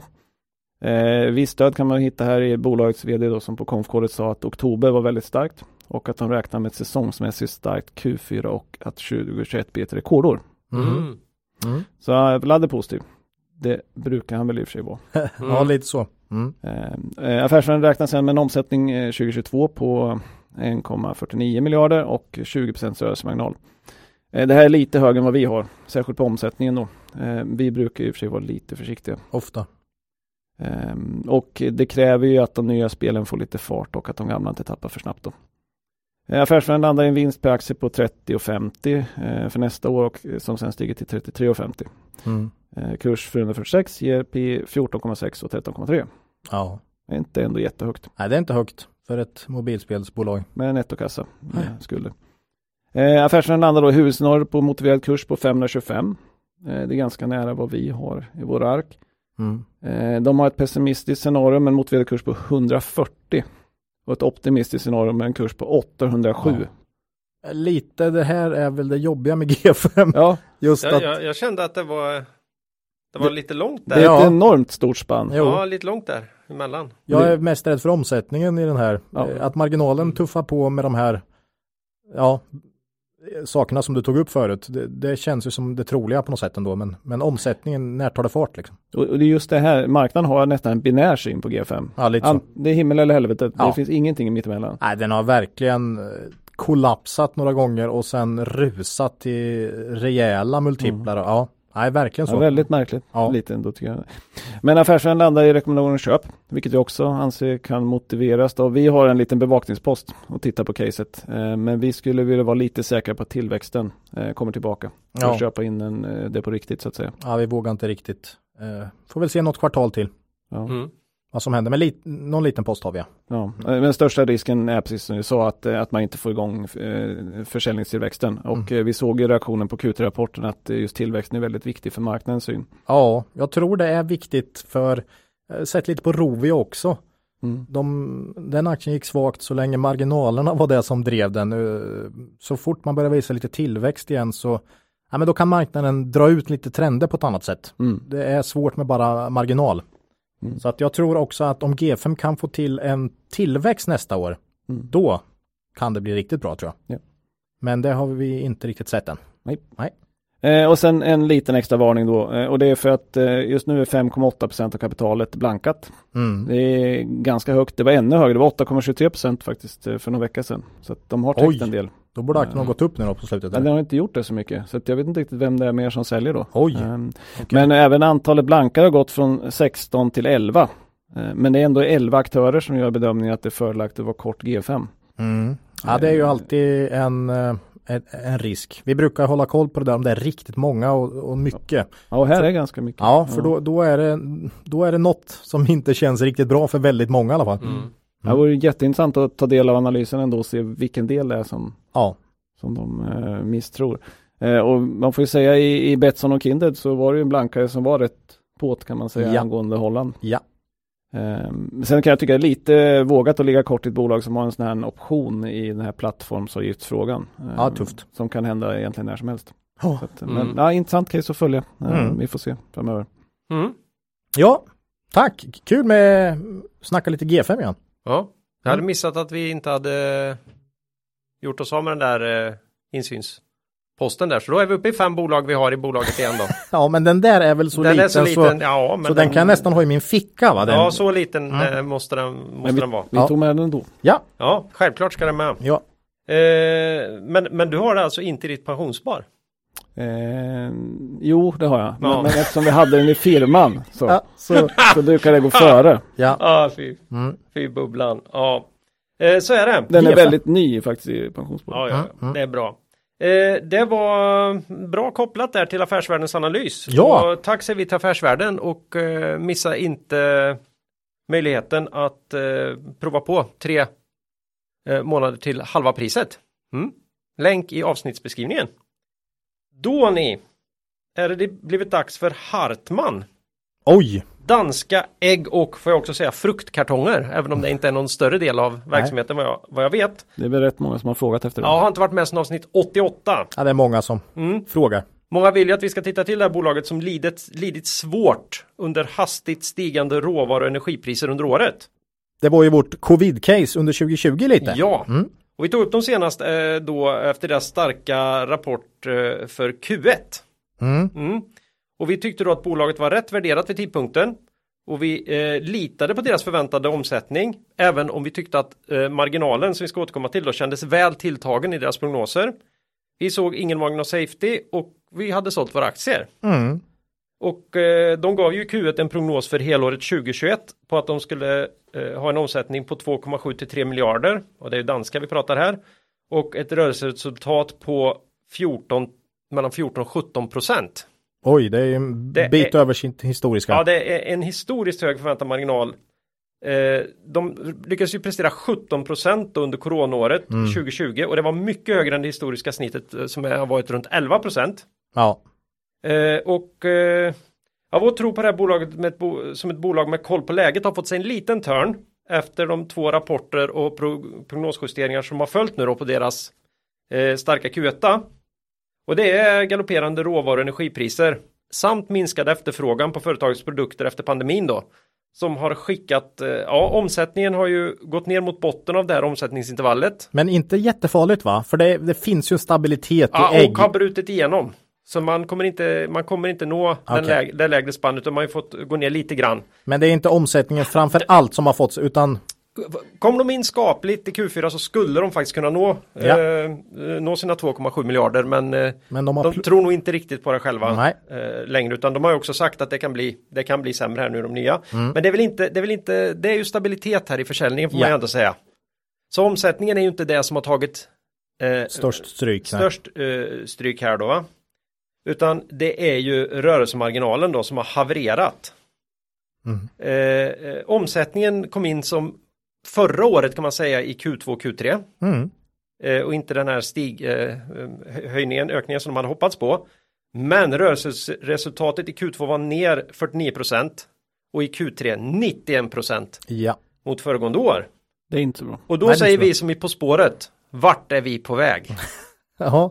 Ja, nu är det så att danska Ha, har bolag... du svaret också eller? Ja, det har jag här. Ja, Nej, det har jag verkligen Gött, inte. Det gött. har jag verkligen, det kan jag säga redan nu. Mm. Att ni som förväntar er det kan, Att få ett kan svar. trycka på snabb, snabbspol tills ni inte, ni inte hör mig längre, för då har vi ett nytt bolag. Eh, Hur många poäng får man gissa på? ja, ni, ni får ju köra här någon gång. Hamburg. För 10. Hamburg drar jag. jag För drar 10 på. poäng. Ja. Da- Jag tar något i Dan- Danmark. danska Ja. bolag tvingas ju ge prognoser. ja, det är väl, Men det är då väl så. borde de också vara vana vid att, att de synas. Mm. Mm. Eh, vi har ju varit väldigt tidigare, eh, tidigare varit väldigt positiva till deras transparens, ofta försiktiga prognoser. Men när det gäller deras riskhant riskhantering runt energi och råmaterialpriser har de uppenbart hamnat snett här nu. Mm. Eh, och vill kanske inte riktigt, jag tycker inte de Erkänner det erkänner det på det sätt de borde rakt ut. Eh, för de tar ju upp sina huvudsakliga risker varje kvartal och det är ju föredömligt. De listar de fem största riskerna de har och, och berättar också vad de gör för att minska de riskerna. Och då har de ju tidigare då när det gäller just eh, de volatila energipriserna. Nu är det ju råvarupriserna och energipriserna och det är svårt att veta Mm. vad som är vad här i den här smällen. Men när det gäller hur de hanterar volatila energipriser så står det och har stått lång tid och till och med i Q1 i år. Och det kom alltså i mitten på maj ska vi komma ihåg. Mm. Då skrev de så här. Hartman eh, regularly signs fixed price agreements typically for 6 or 12 months for a substantial part of the group's energy consumption. Mm. Det låter ju bra. Mm. Då vet man lite vad man har i kostnader. Mm. I Q2-rapporten har det här ändrats. Aj. Mm. Så nu har man ett annat sätt att hantera det här. Då står det så här.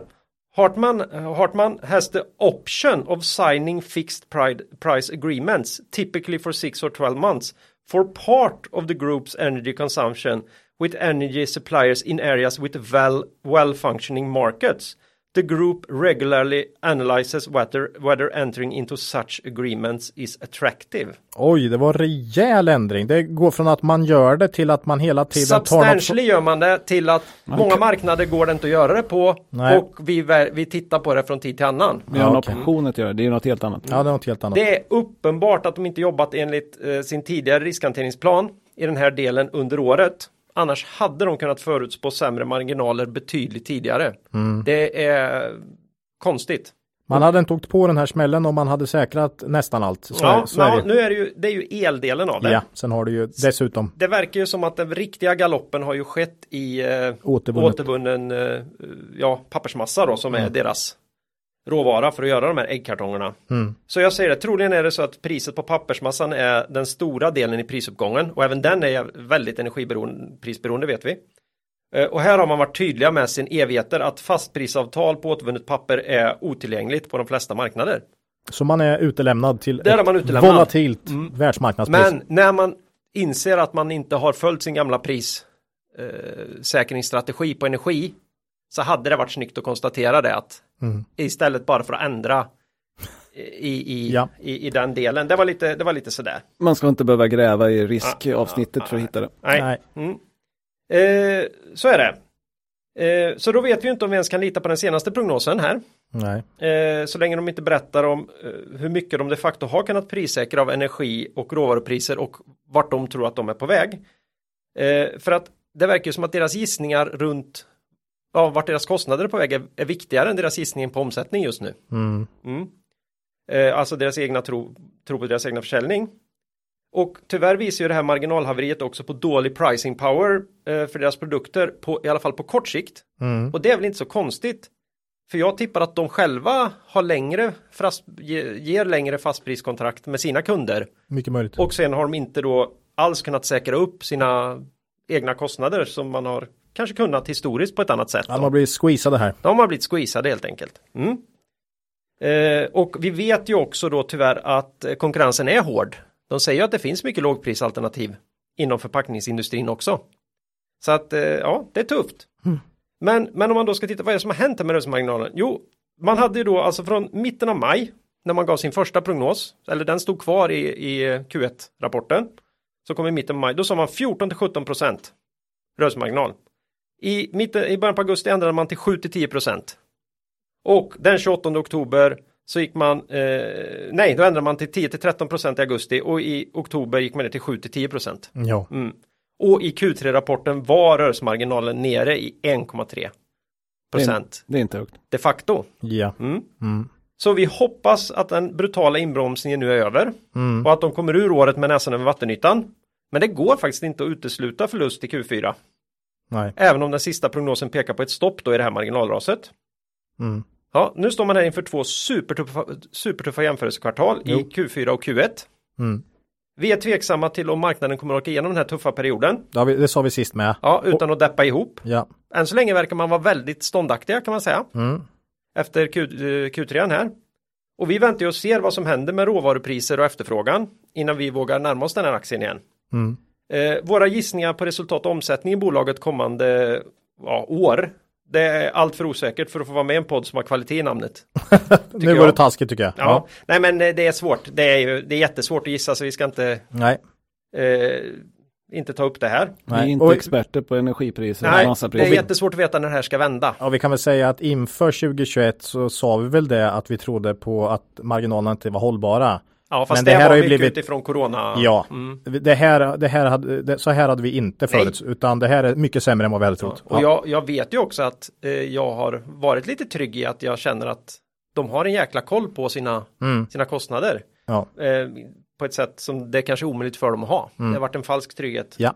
Eh, och det, så det här har vi lärt oss någonting. Mm. Men det hade varit klädsamt om de varit lite tydligare där. Ja.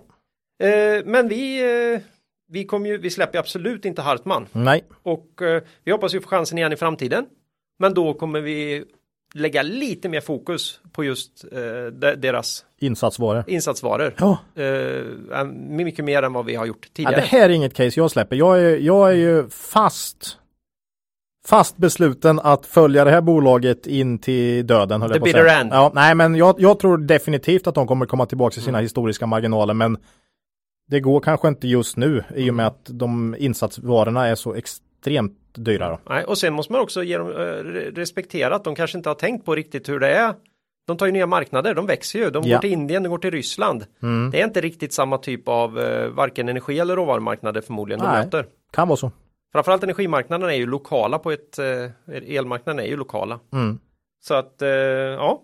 Nej, Nej men vi släpper inte dem Nej, på nej, något nej. sätt. Men just, bolag- just nu kan inte vi göra en rimlig prognos Nej. för kommande år. Det är helt omöjligt. Som ett långa, långa caset är ju spännande i Hartman. Ja, ja, jag. Eh, tio år alltså. Ja. Mm. Mm. Ja, tack Claes. Ja, Det, det, vi har haft lite kul här åt att marknaden skickade upp aktien 10% på att Frankrike eventuellt skulle sluta med plastpåsar 2025. ja, det skedde ju här under liksom hypen. Mm. Det var liksom, eh, då sa jag till Macke, tror du marknaden kommer eh, tycka det här är viktigt när de släpper sin Q3? Och, svaret var väl nej. Nej, sa du, och det, så blev det väl lite va? Ja. Marknaden har lite svårt att se fyra år framåt på något som inte riktigt är bestämt ens va? Nej. Nej, vi, vi, Och vi, i, i, på en marknad. ja, men vi, vi, det är ett intressant långt case. Det Ja. är det. Just nu har de problem. Nej, de, de ligger rätt på lång sikt. Ja. Men, men, Mm. Ja. Bra, eh, kul Claes. Hartman, nu hoppas vi att våra lyssnare, Nästa gång Mm. eh, vi pratar om det hoppas jag att det är gladare tongångar. ja, Ja.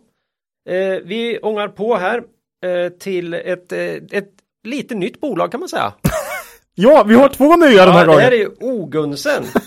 Och här har jag skrivit The Rekryterings och personaluthyrings company formerly known as SJR. Den får du ta Så Macke. det är SJR i ny kostym Macke. ja, jag började faktiskt att skriva SJR, men, men det var ju fel sen då, så jag fick ändra till Ogunsen. Ja. Nej, man har ju bytt namn då. Eh, Men man var senast med ganska nyligen i avsnitt 101 då, eh, från 29 eh, september efter Q2-rapporten. Eh, Då tyckte vi att akt, eh, bolaget var attraktivt värderat. Eh, Man talar om en stark efterfrågan och nu tänkte vi göra en kort uppföljning efter Q3. Ja. Eh, Den kom in väldigt nära våra förväntningar faktiskt. Eh, Omsättning plus 27 procent, vinst 113 procent upp. Mm, starkt. Men nu- lite svagt förra va? Ja, nu var, det var inte lika svagt som Q2 eh, 2020, men det var inte världens vassaste kvartal eh, det heller. Eh, men marginalen på 11,7 procent är faktiskt eh, bästa i Q3 på 10 år. Så att, eh, bra lönsamhet. Ja. Eh, bolaget talar om hög aktivitet på samtliga affärsområden. Eh, man säger att efterfrågan sjönk som väntat under semestern då, eh, men att både konsult och rekryteringsverksamheten tog fart i slutet av kvartalet och återgick till samma höga nivå som under Q2. Eh, om man säger att fjärde kvartalet har inletts starkt med samma höga efterfrågan som under tredje kvartalet. Och det borde ganska gott då, för rapporten kommer ju den 12 november, så man är en bra bit inne mm. i Q4. Där har du något. Det där är oerhört väsentligt tycker jag, de som släpper rapport sent mm. och pratar lite om kommande kvartal. De har ju de har ju bra koll alltså. Det är stor skillnad på att få nästan en hel månad till att se. Ja, eller mm. släpper du 15 oktober eller 15 november? Det är mm. ganska stor skillnad. Väldigt stor skillnad. Ja. Så att, eh, nej men det känns ju bra. Um, Ogensens rapport är dock inte så omfattande uh, och de har inga confcalls. Uh, så att det finns en hel del man skulle ha lite mer kött på benen så att säga på. Ny vd, jag tänkte nu jäklar. Men mm, nej. nej. Det har inte hänt något. Nej, inte så stor skillnad än så länge. Eh, men eh, det är lite synd för det finns områden som vi skulle vilja, vilja veta mer om. Mm. Man har tidigare talat om att bredda verksamheten som är gjort väldigt fokuserad på bank och finans. Hur går det? Vore mm. kul att veta. Eh, man har ett diagram i rapporten där det framgår att 13 av omsättningen kommer från rekrytering under året och i Q3 då. 87% från konsult. Det här är lite mer än de 10% som det var förra kvartalet 2020. Mm. Eh, men vi skulle vilja veta lite mer. Ja. Vi, vi pratade i förra podden om det här med att det är en väldigt stark rekryteringsmarknad men kan man få tag på personal och fylla platserna med? Mm. Och att man kan få eh, marginalproblem om man inte liksom lyckas, eh, lyckas med rekryteringsuppdragen. Det hade man kunnat beskrivit hur det är. Eh, mm. hur funkar det? Hur ser det ut framåt? Eh, är lite dåligt.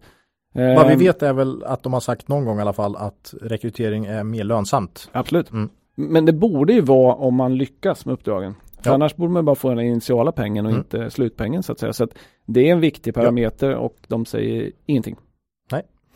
Eh, man gjorde det här förvärvet av VES, det här Woman Executive Search, i slutet av 2018. Hur går det? Mm. Vore också intressant att veta. Eh, bolaget skulle helt enkelt må bra av lite mer transparens. Ja, tycker vi. håller med. Eh, sen har man ju då presenterat en ny tillväxtstrategi. Långsiktigt mål att dubbla omsättningen inom fem år med bibehållen rörelsemarginal på 10 Eh, I rapporten gav man viss eh, information. Man sa ju det här namnbytet till Ogunsen, en del av planen. Eh, vad ska det göra? Att man inte är så förknippad med bank och finans då, ah, okay. förstod jag. Ja, okay. Så man skulle jobba lite bredare. Mm, mm. Och då vore det bra att veta mer om det. Ja. ja man behåller väl SCR-varumärket just inom den branschen tror jag. Exakt, mm. för det var så pass välkänt. Så. Ja. Mm. Man säger att man förbereder ett uppstart av ett erbjudande inom Young Professionals. Mm. Det var det vi pratade om, studentdel förmodligen. Då där man ser långsiktig potential. Eh, planen är att lansera det här under ett nytt varumärke då efter årsskiftet. Eh, men vi skulle gärna se lite fler konkreta planer på hur man ska nå det här målet. Då.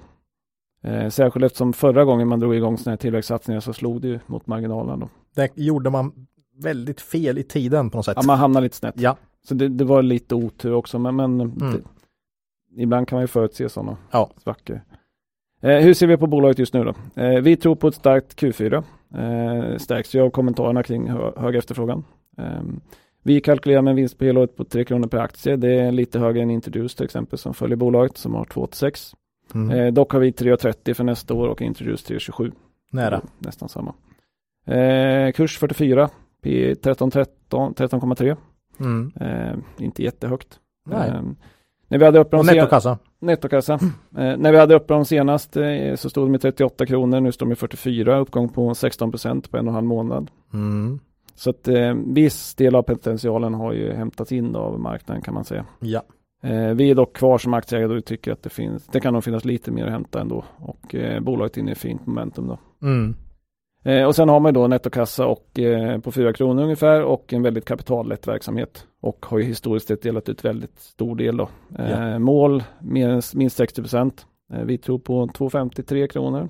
67 procent direktavkastning. Ja. Det är banne inte dåligt alltså. Nej, 67 och, och, det är ju nu den här perioden då marknaden lite börjar blicka mot våren här och alla utdelningar då och de här utdelningsportföljerna kommer och Eh, man gör listor med högst utdelning i vår och sådär. Så att där tror vi att Ogunsen kan, kan landa ganska högt då. Mm. Eh, nu tror jag att vi kanske ligger lite högre i vår tro om utdelning än många andra. Men kollar du historiskt på SCR då, som de har hetat, så har de delat ut väldigt, nästan hela vinsten före pandemin här. Eh, så att gör de 3 kronor så kanske de delar ut 2,50 till 3. Mm. Det är inte omöjligt och då är vi där. Så att det är ju en spännande grej Mm. i Ogunsen. Håll utkik i Q4-rapporten. Ja, Mm. bra, kul. Mm. Det var det. Det var Ogunsen det. Ja. Ja. Formerly known as SJR. Ja. Scandinavian. Får se om vi kommer komma ihåg det i fortsättningen här sen. Ja. Ja, Jaha, vad, vad är vi framme på då? nu du. Är det R? Nu är det R. Oj, då tror jag jag vet vad som är på gång, Claes. Mm. Det här är ju RakeTech. Mm. Det här är Det var länge sedan. Det var det. Eh, avsnitt 68. Oj. Ja. Det är i forntiden. Det är affiliate inom iGaming som vill växa både organiskt och med förvärv. Mm. Och eh, ja, det är ju ett tag sedan. Så vi får väl, de var med så vi får påminna oss lite vad de gör. Och dessutom har de skaffat sig lite nya små affärsben. Sen senast. Eh, och RakeTech är ju en branschkollega till Catena Media, Better Collective och sorgebarnet The Crowd. Netgaming, med- eller Mm. ja. Kärt, kärt, kärt barn har många namn. Det pratar vi inte om. Nej, nej. Mm. Mm.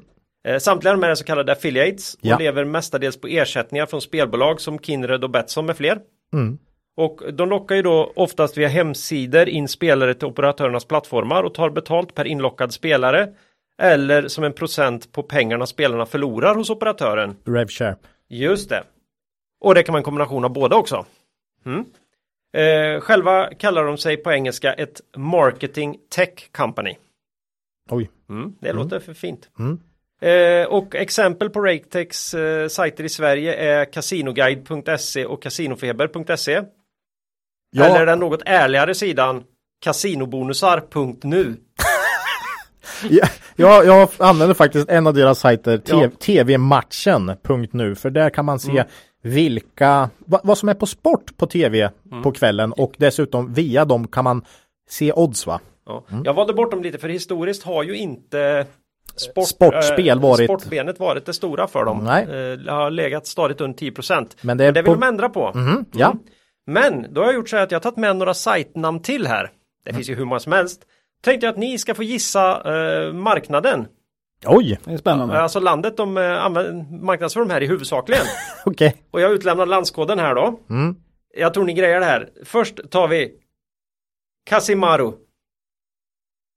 Kasimaru, Mm. Indien. Nej, bra gissning. Nej, Macke jag står över det. Japan. Japan. Ja, ta. nej det hade man nog. Här har vi Casino Fever. ja, men det är väl USA eller? Det skulle man kunna tro. Det var en luring. England. Nej, Kanada. Åh, den var Den här svår. tycker jag är svår. Ja. svår. Slotsjava. Finland va? Nej, jag bara uttalade det elakt. Det här heter Slotsjava. Det är Spanien, Italien och Portugal. Det går inte att veta. Nej, det, det var elakt det här Ja, segmentet. ja. Nej, men det här då. Ja. Den här. Casinoer.com. Det tror jag är Norge i alla Det är fall. Norge! Med tanke ja, ja. på hur du sa sen det. den här. Casinobonuxet.com. Vad Alltså, kan det är det... i Finland. Nej, ni är så duktiga nu. Tur turtlebet.com. Turtlebet, det måste vara Australien Nej, något va? också Finland. Där satt jag tänkte nej. Och sen då, nej. Och sen då howtobet.com. USA. USA ja. Oh. Mm. Det Nej, var ju de- svårare än På spåret. Ja, det här är svårt. Det var jättesvårt. Jag älskar ju kasinoer då, bara för att det var norska. Mm. Eh, Ja. ja. Eh, Jaha. nej, men eh, de här är viktiga för dem naturligtvis. Mm. De här eh, sajterna. Men om vi tittar lite mer på vad de håller på med här då, bolaget eh, resultatmässigt då, så busar de till det lite i samband med rapporten. Då de dagen innan rapporten eh, släppte ett nytt intressant förvärv. Mm, Det har varit lite sånt på Som slutet sen va? också delvis kommenterades i rapporten. Men naturligtvis inte på något sätt fanns med i siffrorna där då. Nej. Och det förvirrar både mig och tror jag också analytikerna på Penser Bank Aj. som går ut en analys på morgondagen efter rapporten. Och där kan vi inte riktigt hitta igen det här sista eh, förvärvet omsättningsmässigt. Men det kan också bero på att de har en helt annan syn än oss eh, på vad den organiska tillväxten ska vara. Mhm. Och eh, för de har betydligt högre rörelsemarginal än vad vi har framåt. Okej. Så man kan ju tolka in det här på lite olika sätt vilken betydelse det här förvärvet ska ha då. Men Raketech hade ju väldigt bra organisk tillväxt i Q3 om jag kommer Ja, ihåg rätt. 26 procent. Ja, det är starkt alltså. Mm. Mm. Eh, och eh, man har förvärvat rejält här nu un ja, under andra halvåret här.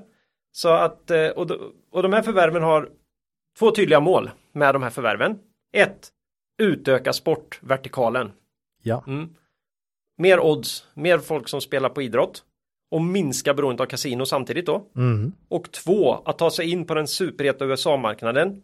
Och minska beroendet av Norden.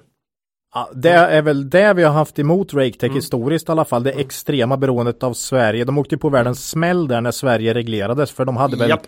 liksom 70 procent Ja, det var otäckt Ja. mycket kan vi väl lugnt säga. Ja. Mm. Och eh, då har man köpt eh, ett bolag som QM Media med dotterbolaget PMP Vigas Group i Inc. Köpte man i juli. Och då får man också med ett nytt ben i ett så kallat tipsternätverk i USA. Ingen aning om vad det Där är. Vad är det kunder prenumererar på bettinginfo inför matcher i olika sporter. Okej. Och de får även med en ledande cricket betting-sida i Indien här. Mhm. Äntligen. Mm. Är det lite som det här Aftonbladet när de hade eh, någon känd fotbollsspelare som pratade om eh, Premier League-matchen och nej, jag tror på ett kryss. Ja, Mm. Ja. fast, fast eh, det känns som att man skickar ut det här nästan som på e-post. Det kanske finns någon Ah, okej. sajt eller ja, Mm, på något sätt så är det en prenumerationstjänst i alla fall. Ja, du får. Och här ser man ju att man då ska ha en mycket närmare relation till de här. Mm. Och, och förhoppningsvis ganska försiktigt se om man inte kan föra på dem lite affiliation då, alltså att leda in dem på, på bettställen där, där man får en kickback, kickback, på, ja. något sätt. Mm. Då ska man medveten om USA så är det väl typ aldrig revshare utan där är det nästan bara eh, CPA då, alltså en engångsintäkt när man lyckas skaka fram en ny spelare. I alla fall har det varit så historiskt. Eh, man köpte Infelids också som ett lite annat ben också fast det är väl sajter där men det är free to play. Eh, och de har mycket i Latinamerika, Spanien, Italien och Portugal. Mhm.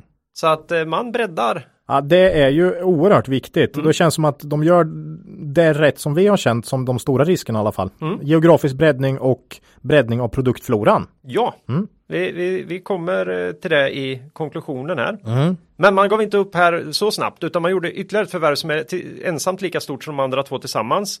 Då man förvärvade ATS Consultants Inc. Och det har ytterligare sådana här tipsternätverk och ett lokalkontor då som man ska göra som till sin bas i för fortsatt expansion i USA.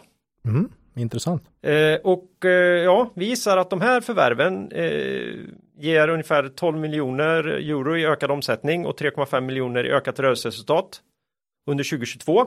Det är ganska substantiellt. Ja, för att in, eh, om man tittar mot vad man haft då rullande 12 månader bakåt så hade man 35 miljoner euro i omsättning och 8 miljoner euro i rörelseresultat. Mm. Så det här är en eh, vinstökning från enbart förvärven på någonstans mellan 35 till 40 procent.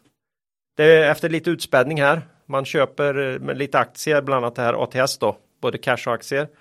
Och lite ökade lånekostnader blir det här också. Man har tagit ut en ny kreditfacilitet här. Nu är ju lån inte Nej, jag, jättedyrt. tror, jag tror man hade 4,25 procent i, Ja. i ränta på det där då. Mm. Eh, vi hoppas på en fortsatt organisk tillväxt på 20 procent under 2022. Mm. Det var ju som sagt var 26 procent i Q3. Ser lovande ut framåt. Bolaget är uppenbart positiva. Q3 var för övrigt en riktigt stark rapport med en omsättningsökning på 30 procent och ebit upp 64 procent. Men de är fortfarande inte tillbaka på ebit-nivåerna som bolaget hade 2018 innan regleringen i Sverige ska man ha klart för sig. Så det var ju en, Mm. en smäll. Ja, eh, vi De, tänkte... de var väl väldigt positiva till just Sverige också? Ja, I- Sverige i har Q- vänt och, Q3-rapporten. och man tar, säger också att det är positivt det här att man nu släpper på begränsningarna här. Det var från mitten på november om jag kommer ihåg Mm. rätt. Så, Så, så, Insättningsbegränsningarna, Mm. de tillfälliga tas ju bort här. ja, ja. Jag för mig de sa att de hade väldigt mycket intresse från operatörer just efter att de släpps då. ja. Mm. Att vi får se hur det slår sen i Q4. Eh, Så tror vi även på lite bättre marginaler från förvärven här än vad bolaget själva lyckats prestera de se- senaste två åren. Så skulle vi kunna tänka oss en vinst per aktie på 0,29 ungefär för nästa år. Det är ett P runt 8 Mm. för 2022. Penser hamnar på ungefär samma förväntan kommande år med en vinst per aktie på 0,3.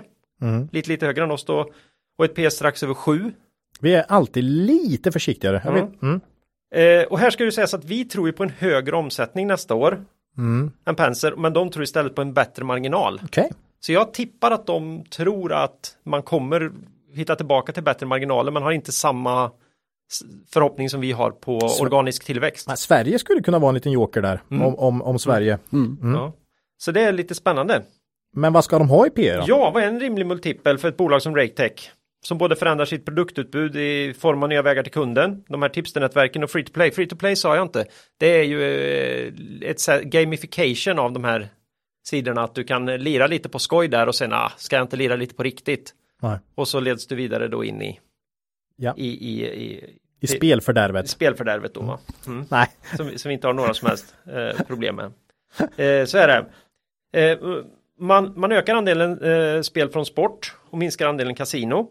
Man hoppas på att eh, sportdelen bara inom nå- något eller några år ska vara uppe i 35 procent. Ja, då börjar det bli Och rejält. det har ju alltså varit under 10 länge. Eh, Man expanderar ju grafiskt och inte minst USA. Men även Indien, Japan, Sydeuropa, Sydamerika. Och från nästa, nästa, nästa år så räknar man med att mer än 50% av bolagets intäkter kommer från utanför Norden då. Eh, Och man har även muskler till ytterligare förvärv. Även om balansräkningen börjar bli lite ansträngd. Man får nog suga på karamellen ett tag nu va? Ja, Och- men eh, kanske finns plats för ytterligare något litet här. Om man nu verkligen vill eh, använda sitt nya brofäste i USA här. Mm. Men det vet vi ingenting om, men det skulle kunna gå. Vi har ju satt P10 som är rimligare multipel för eh, det här bolaget. Jag, jag trodde du skulle säga 35. nej, nej, nej, P10, ja det, det men mm. okej det var inte högt. nej, Nej. nej, jag vet inte. Det är ju en historik här också. Det här Mm. bolaget har liksom aldrig fått Kärlek. mycket- Det skulle vara om jag börjar göra en relativvärdering då. Nej, det ska vi inte Nej, göra. gör vi inte Nej, tack, det är nej, bra. Nej, nej. Nej, P10. Mm. nej, men det räcker ändå. Mm. Eh, för att hitta mos här för att ta en position. Mm. Så det har vi gjort. Okej. Vi, har, Härligt. vi äger aktien sedan efter Q3-rapporten. Mm. Även om det inte är något av våra största innehav. Nej. Och framförallt eh, så har Q3-rapporten gett oss hopp om fortsatt organisk tillväxt under kommande år. Viktigt. Ja, det var ett väldigt intressant konf-call som man ska, kan hitta igen på deras hemsida va? Ja, Ja. värt att lyssna på. ja. Nu är det så här då att det här är ju en affiliate. Mm. Ni som har lyssnat på den här podden länge vet att vi är nog, satt, satte nog kaffet lite i vrångstrupen här. När jag nu sa att vi faktiskt köpte in oss i det här då. Att det finns risker i massor. Mm. Googles algoritmer. Ja, den har vi haft uppe förut. Eh, man är ju beroende av att, att kunna så att säga få sina sajter att trenda högt. Och lite grann stå i vägen för man menar ju på att det är en marknadsföringstjänst man erbjuder men någonstans så står man ju i vägen då för de här bolagen som man är säljer marknadsföringen åt. Eh, genom att optimera då sökresultaten till sin egen fördel. Ja. Det är en ständig politisk risk och det gäller ju alla spelbolag men eh, inte Mm. minst affiliates. Både på reglerade och oreglerade mark- marknader. Där skulle jag ändå säga att de ligger i bakgrunden lite. Det är Catena och Better Collective har inte åkt på så jäkla mycket böter som operatörerna ändå. Men, Nej, men visst, det är äh, de som tar det men ja, politisk risk är det ju alla ja, det kan verkligen påverka deras omsättning och marginaler. Ja. Kan påverka kunderna. ja, De här nya benen, Tipster-benet och Free to Play. Mm. Det kan bli ett sänke istället för Boost. vem vet. Helt nya tjänster i bolaget. Mm. Eh, kommer, det kunna, kommer de kunna liksom få någon korsförsäljning här eller kommer det, de befintliga kunderna bli förbannade och hoppa av? Eh, det vet vi inte. Nej. Balansräkningen är inte toppen. Och det kommer förmodligen bli fler förvärv. Mm. Så att, eh, ja, Nu, nu sålde du ner det här ganska rejält här på slutet. Ja, så men, så det, men det Vi- visar lite på varför vi sätter P10 också. Ja. Mm. vi tror det har vänt på riktigt för bolaget här nu. Ja. Under en period framåt i alla fall. Vi har förtroende för vd Oskar Mullbach. Mm. Som var mycket positiv på konfkollet. Ja, gjort det bra på slutet här. Mm. Eh, och eh, ja, vi dansar nära utgången. Eh, och det här är absolut ingen buy and hold Nej, men en, ändå ett, Ändock. ett spännande case eh, tycker vi. Ja, Mm. eh, det var det. Vi vägde lite aktier som sagt var.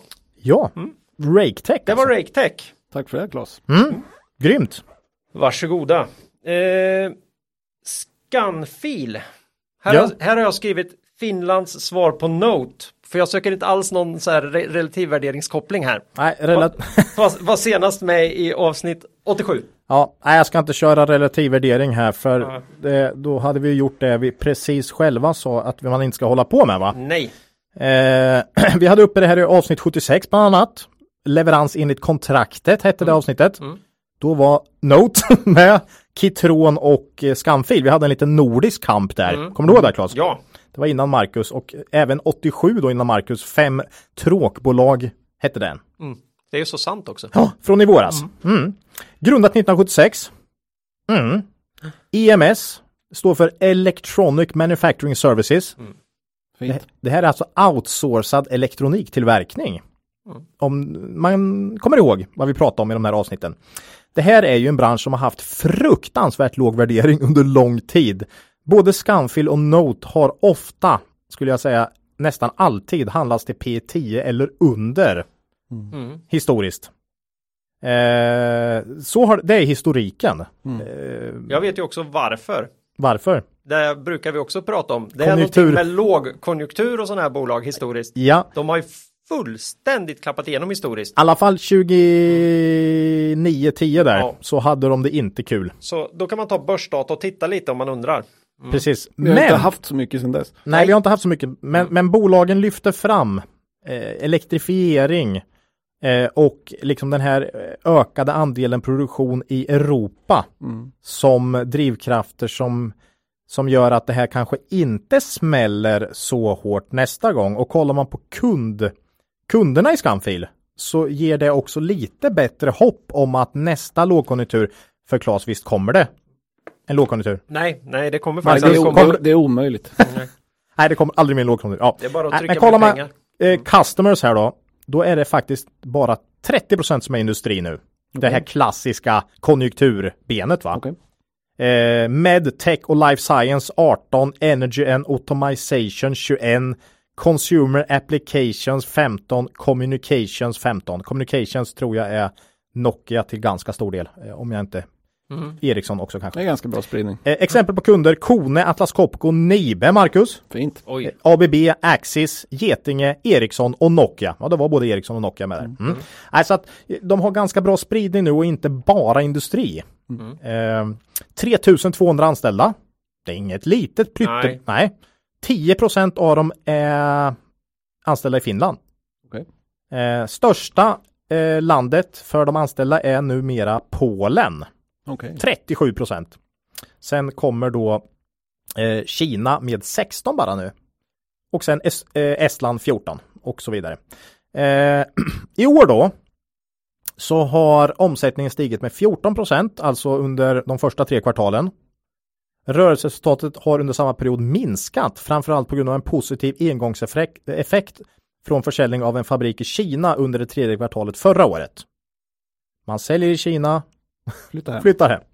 Eh, justerat för engångsposter är ebit upp cirka 5% under året. Högre priser på insatskomponenter är en orsak som man skriver som gör att lönsamheten har blivit lite svagare i år. Eh, en annan är att man tagit kostnader för att flytta produktion från sin fabrik i Hamburg till Polen och även andra tillverkningsenheter i Tyskland ska sägas. Men eh, Hamburgenheten stängdes i september och ska därför inte belasta resultatet mer. Det har legat lite som belastning under året då, än så länge. Eh, jag läste någonstans, kommer inte ihåg vart, men att eh, Scanfil kommer pres- presentera nya finansiella mål i februari. Intressant. Hittar inte igen det, så jag kan inte säga källa tyvärr. Det kanske var någon feberdröm du hade nu när du Kan var lite vara. hängig här Ola. Har du... Kan vara. Det låter dock rimligt för man har i stort sett uppnått sina, sitt omsättningsmål redan nu då. Ja. Och det här omsättningsmålet har man för 2023. Eh, så att det låter ändå rimligt som att det snart är dags. Eh, tror man på bolagets outlook för i år, för eh, det har de, så blir Q4 väldigt fint. Okej. Eh, där har väl Note också lite lök på laxen att det ser bra ut. Eh, man tror på en 20% ökning i både omsättning och justerat rörelseresultat då för Q4 om deras prognos slår in. Det är, det är bra med de här prognoserna, det är bara ett kvartal kvar. Det är väldigt... Men man vet ju inte om det slår in då. Det är väl det som är det jobbiga. Det kan ju vara som i, i Banos fall också. Ja, kan vara. ja, Man ska vara lite försiktig. Ja. Eh, bolaget har en balansräkning i gott skick. Fin utdelningshistorik. Väldigt fin. Ökat utdelningen nio år i rad. Inte ens oförändrat alltså, utan nio år i rad med ökad utdelning. Eh, direktavkastningen dock bara 2,2 procent. Men eh, ja, den ökar. Ska vi tänka att det blir 2,3? Kanske. Det beror på kursen också Claes. De ökar. Nej, nej, nej, nej. Jag tror de har lagt sig så, så att de alltid kan. Ja, eh, vi får hålla någon analytiker i handen här med. Vi brukar göra det. Eh, Jag tycker det är så skönt att ha någon, du vet. Ja, Nordea följer bolaget här då eh, och tror på 0,57 euro i vinst per aktie för 2022. Här tycker vi låter mycket rimligt och det är ju då man helst håller analytikerna i handen va? När man, när man är överens med dem. Eller hur? ja, ja. Det skulle ge P 13 och en halv ungefär. På dagskurs. Det är ju inte särskilt dyrt för ett bolag som ökat omsättning med 11 procent och vinsten med 14 procent per år senaste 10 åren enligt börsdata. Det är ju fint. Det är ju Det är fina siffror. Det är fina är siffror, det måste man säga. Ja. Men värderingen är dock betydligt högre än vad den varit historiskt. Men marknaden verkar inte tycka att P89 är rätt för de här bolagen längre. Nej. Eh, Så det har hänt något här. Eh, Men hade jag bara fått sett 13,5 och läst de här tillväxtsiffrorna så hade man ju sagt nej, det är inte farligt. Men finns det någon sorts strukturellt case här på att flytta hem tillverkning närmare liksom, Kunderna. kunderna? Ja, Kanske. för alla de här skulle jag säga. Kitron, Note och Scunfield. Ja. Eh, Nordea också intressant, tycker ju aktien är hyggligt rätt värderad här. Ja. Ska man komma ihåg. Eh, Evli Bank känner jag knappt till, jag har hört talas om dem bara någon gång. De såg en uppsida på 15% såg jag i dagsläget. Okej. Så det är inga fantasiprognoser här, men eh, vi landar väl i att vi tycker aktien är ja, men liksom intressant värderad ändå. Det är inte jättehögt och vi tycker att historiken är väldigt bra.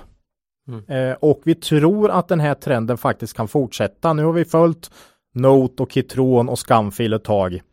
Eh, och eh, nej, vi har faktiskt eh, för första gången nu landat i att vi har köpt in lite aktier här. Vi har valt Scunfield av de här tre eh, välskötta EMS-bolagen då. Ja. Ehm, vi får se. Note har ju definitivt dragit iväg. Kitron har väl stått stilla, men Kitron har också haft mest problem under 2021. Scunfield hamnar i någon form av eh, mittenfolla. Note har ju verkligen gått på knock då med fantastisk tillväxt och bra driv i försäljningen framåt. Orderingång. Eh, vi får se, men vi har faktiskt tagit en liten post i Scunfield här. Eh, Tycker det ser intressant ut. Vi tror lite på de här bolagen Mm. framåt. Får se om nästa konjunktur ändrar, ändrar den, Ja, vi kommer inte sitta och skratta här om... o- om, om det smäller till i, i konjunkturen. Nej. Nej. Nej, men eh, det är om Scunfield. Eh, lite intressant, finskt bolag där 90% jobbar utanför Finland. Mm. Mm. Så bra. Mm. Det var, det var skamfil. Ja, Scunfield rykte, det Ja. brukar du köra Claes. Ja, alltid. Jag tänkte det, det, är ju mer slippa den idag. en, det är mer en ordlek, men ja, Ja. ja. Ryktet är bättre än namnet. Ska jag göra något liknande för jag börjar kalla dem Finlands stolthet helt utan att veta någonting om det. så Ja, ja. Mm. De äger ju dessutom partnertech, gamla partnertech i Åtvidaberg här. Ja, men det, Fint. Så eh, vi har ju nära till det, en av deras svenska anläggningar. ja, det, det är ju viktigt. Mm. Mm. Ja. Var det inte så att eh, någon annan köpte den fina biten där och så blev resten kvar, Ola? Jag vet faktiskt inte. Jag vet Jag skulle att, gissa att OEM var där och, ja kanske. och, och, De och delar- titta, titta till att. Ja, nej då. Nej, Men men jag inte säga. Scanfield har vi så. ganska nära här i Linköping. Ja. Mm. Ja, Åtvidaberg. Mm. Okej, det var dem. ja. Jag, jag, jag, jag kan dra en anekdot där, för jag, jag var ju faktiskt på anställningsintervju på Partnertech i Åtvidaberg. Eh, och kom till sista liksom, delen direkt från, från, från plugget. Eh, och eh, det var jag och en eh, 45-åring med 20 års erfarenhet nästan. Eh, och de sa till sig efter sista intervjun att Nej, men vi, vi gick med den andra och då sa jag det gjorde ni säkert rätt i. och det var ju en jävla tur där. Ja, men du, ja, men fin fotboll i Åtvidaberg vet du. Ja. Vet, ni vad arenan heter? Ja, det vet man ju. Vad heter den? Kopparvallen. Kopparvallen, bra. Mm. Anrikt. Anrik. Ja. Det om Åtvidaberg och Skamfil. Härligt. Mm. Sista bolaget nu då. Nykomlingen. Ja. Ba-ba-ba-ba. Precis, också utanför Sverige. Ja, det skulle varit en dansk fanfar här. Mm. Vi är röd. Ja. ja, precis. Det är en dansk kökstillverkare, TCM. Mm. Som Ola kan allt om. Har de också sänkts av höga priser på energi och råvaror undrar man. Nej, lite råvaror får man nog säga, eller Ja. insatsvaror i alla fall. Nej, men TCM Group. Det är ett danskt bolag som designar, tillverkar och säljer lösningar för kök. Vet de flesta, men även badrum och garderobslösningar då va? Aj, aj. Mm.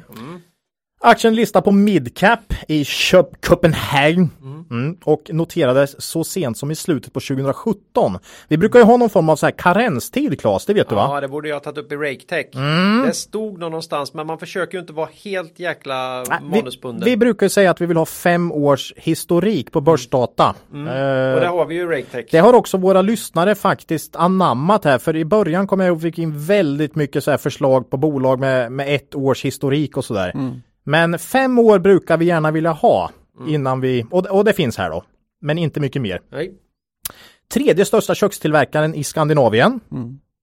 All produktion sker i Danmark. Det här är inte skamfel alltså. Det är inte något, Nej. nej utan här kör man fint ska det vara va? Ja. Mm. Bolaget består av Svaneköket, känner ni säkert till? Nej. Det här är lösningar för kök, badrum och garderob. Twiss-kök, aldrig hört talas om, men högkvalitativa kök som görs efter kundens önskemål, alltså inga lagervaror. Lite som du ska bygga designhus, det här är lite samma grej. Jag vill ha mitt kök så här, tillverka det åt mig. Ni förstår? Absolut. Ja. Nettoline, då går vi åt andra hållet. Det är kök, badrum och garderobsinredningar med till ett rimligt pris va? För hushåll med den lilla plånboken. ja, precis. eh, och eh, starkt inom DIY, Do It Your Own. Va? Ja, Mm. Sen har de e-handel eh, via 45% äga Celebert som man köpte in i år faktiskt. Eh, där har du flera eh, brands, säger de, hemsidor skulle jag säga. Eh, Kitchen.dk bland annat. Sen har du Private Label, inte helt obetydande, det vill säga att TCM tillverkar kök, badrums och förvaringsmöbler åt andra. Till exempel du kan Electrolux Home kan du trycka på ett kök bara va, eller eh, Coop kök. Mm. Men då har de, de fixar det åt dem helt enkelt. Lite lägre marginaler där men. Mm. Eh, Danmark 90% av omsättningen, resten säljs i Norge och så pytte pytte pytte i Sverige. TCM Group verkar se Norge som en tillväxtmarknad, där man växer snabbast och man öppnar en hel del eh, butiker där då. Eh, man växer snabbare där än i Danmark, helt klart. Dessutom finns det ju tydligt fokus på online och vart finns inte det eh, i, i, i, i samhället egentligen. Eh, och där ser man ju såklart också då en möjlighet att växa framåt. Eh, som jag sa, ingen jättelång historik här på börsdata, eh, men femårshistoriken är fin. Bra lönsamhet framförallt tycker jag sticker ut. Eh, Tvåsiffrigt varje år, nästan dubbla rörelsemarginalen om man jämför med till exempel svenska Nobia då, som också är kök. Mm. Eh, senaste fem åren har man snittat på 13% ebit-marginal då. Eh, jäkligt bra. Som jämförelse kan man nämna Svedbergs som är då konkurrent inom badrumsdelen då. Eh, som har snittat 10% Så man, är, man har bra lönsamhet helt enkelt. Man bör här också nämna bruttomarginalen. Vad du Marcus som sa, vad fanken har hänt med bruttomarginalen sista åren? Ja, titta lite grann. Nej, intressant. Eh, Man har en fallande trend där under flera år och bakom det här har jag försökt läsa mig till och eh, tror på argumenten som man har själva då att eh, do it your own och online samt tredjepartsprodukter med lägre bruttomarginal eh, har påverkat bruttomarginalen negativt. Men så tappar man ju också då rörelsekostnader för man har inte de här personal och det på samma sätt. Så att kollar man på rörelsemarginalen så har den varit den, den ser bättre ut på femårshistoriken än Absolut. vad bruttomarginalen ser ut. Eh, kan säga. Sen har man dessutom stängt no, någon stor butik och sådär också. Där man har haft väldigt bra bruttomarginal men sen har ju man ju haft personal där som har dragit ner eh, resultatet längre ner i resultaträcken då. Så att eh, eh, det är alla faktorer som har påverkat bruttomarginalen negativt. Sen kan man ju i år inte eh, komma undan att de har haft lite problem med eh, supply chain då. Mm. Som har sänkt eh, lönsamheten i, i år faktiskt. Det pratar Svedbergs en del om också. Mm, och även Nobia. Mm. Eh, organisk tillväxt under 2021. Första nio månaderna 12 procent. Det är Det är bra bra. organisk tillväxt. Eh, justerad ebit-marginal har fallit under året från 13,6 förra året till 13 procent. Så ingen, ingen dramatisk nedgång, men ändå. Det är supply chain säger man där. Mm. Eh, balansräkning gott skick. Direktavkastningen bör kunna bli cirka 4% i vår räknat på dagens kurs. Man återköper aktier även här, precis som i G5 då. Ganska mycket också. Mycket det egna ägandet nästan uppe i 8% nu och det här gör ju skillnad faktiskt Mm. när man kollar på värderingen. Ehm, negativt. Väldigt fragmenterad ägarbild. Mm. Det är inget kött och blod. Jag tror att ledning och eh, styrelse ägde runt 1 och eh, ja, nej, oerhört. Det, ägarbilden är väldigt öppen om vi säger så. Mm. Bolaget själva är största ägare. Ja, det är de nog faktiskt. Om jag ska vara ärlig. Eh, men eh, Det här med do it yourself liksom. Ja. Eh, ja. ja, de, de har ju sagt att de ska makulera bort dem där. Så att, ja, de ska makuleras de Övergående. åt- 8 procenten då. Eh, så att ägarbilden är inte bra, men samtidigt de har en fin historik så att ja, då får man ju ändå lite. Vi får lita på tjänstemän och Ja. styrelse här då. Ja, Eh, kollar vi framåt här så lämnar ju eh, bolaget en Financial Outlook. Vi sa ju förut att, att danska bolag nog är tvingade att göra det. Eller de var där förr i tiden i alla fall. Sen, sen eh, jag för mig att när Nasdaq köpte danska börsen och man skulle slå ihop regelverken så, så protesterade de svenska bolagen mot att ha ett sådant krav. Mm. Eh, och då tog man bort det i Danmark istället. Men att danska bolag, eh, ja, många håller kvar vid som det var tidigare så att säga. Ja, Ja, intressant. bra som hejsan. för det är ju inte jättemånga svenska bolag som har en Inte så här detaljerat. Nej, för det här är ju extremt, på nästan alla danska som man kollar på så är det omsättning och rörelseresultat som, som, som man gör eh, prognos på liksom för innevarande år. Man förväntas omsätta 1,1 cirka 1,1 miljarder danska kronor för 2021 med ett justerat ebit resultat på cirka 150 miljoner danska kronor. Eh, och som sagt, bara ett kvartal kvar här, så precis som Scanfil så ser det ut att bli ett fint Q4 om de uppnår sin, eh, sin outlook. För nästa år så kan Norge förhoppningsvis bidra med tillväxt ytterligare då och man köpte dessutom in sig i Celebert, det här onlinebolaget i somras och där säger man att det bör, bör ha en positiv eff- ebit-effekt på 8 till 10 miljoner danska kronor under 2022. Mm. Så lägger vi till 10 då. Eller 8 till 10. Vi lägger till 10 säger vi. Till årets 150. Eh, som man själv har i prognos, då blir det 160 för nästa år då. Mm. Eh, om inte konjunkturen havererar. Eh, det bör ge en vinst per aktie någonstans på 12 och 12,50. Justerar man för de här 8 procenten som bolaget själva säger att man ska makulera Mm. så är utestående vinst per aktie då kan man säga eh, efter makulering cirka 13,30 P 11,5 ungefär. Och inte dyrt. Nej, inte jättedyrt. Finns inte jättemånga välskötta bolag som växer och handlas så lågt tycker vi i dagsläget. Så känns det intressant. Kan vara den här ägarbilden som eh, skrämmer en del. Nobia värderas ju dessutom ännu lägre.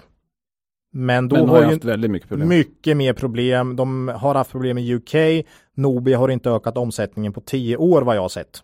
Utan den har stått still i tio år. Så att Nobia tycker jag ska värderas lägre. Mm. Eh, men P11,5 ungefär. Eh, så här är ytterligare ett bolag vi ändå har plockat in lite aktier i. Tycker det ser eh, lite för billigt ut. Eh, om inte konjunkturen havererar. Men då är det många bolag som, som kommer få det svårt. Ja. Mm. Är det inte Focus Investing vi håller på med just nu i alla fall? Nej, det är det inte. vi Det är ganska, letar oerhört brett. det är ganska spritt. Ja, Mm.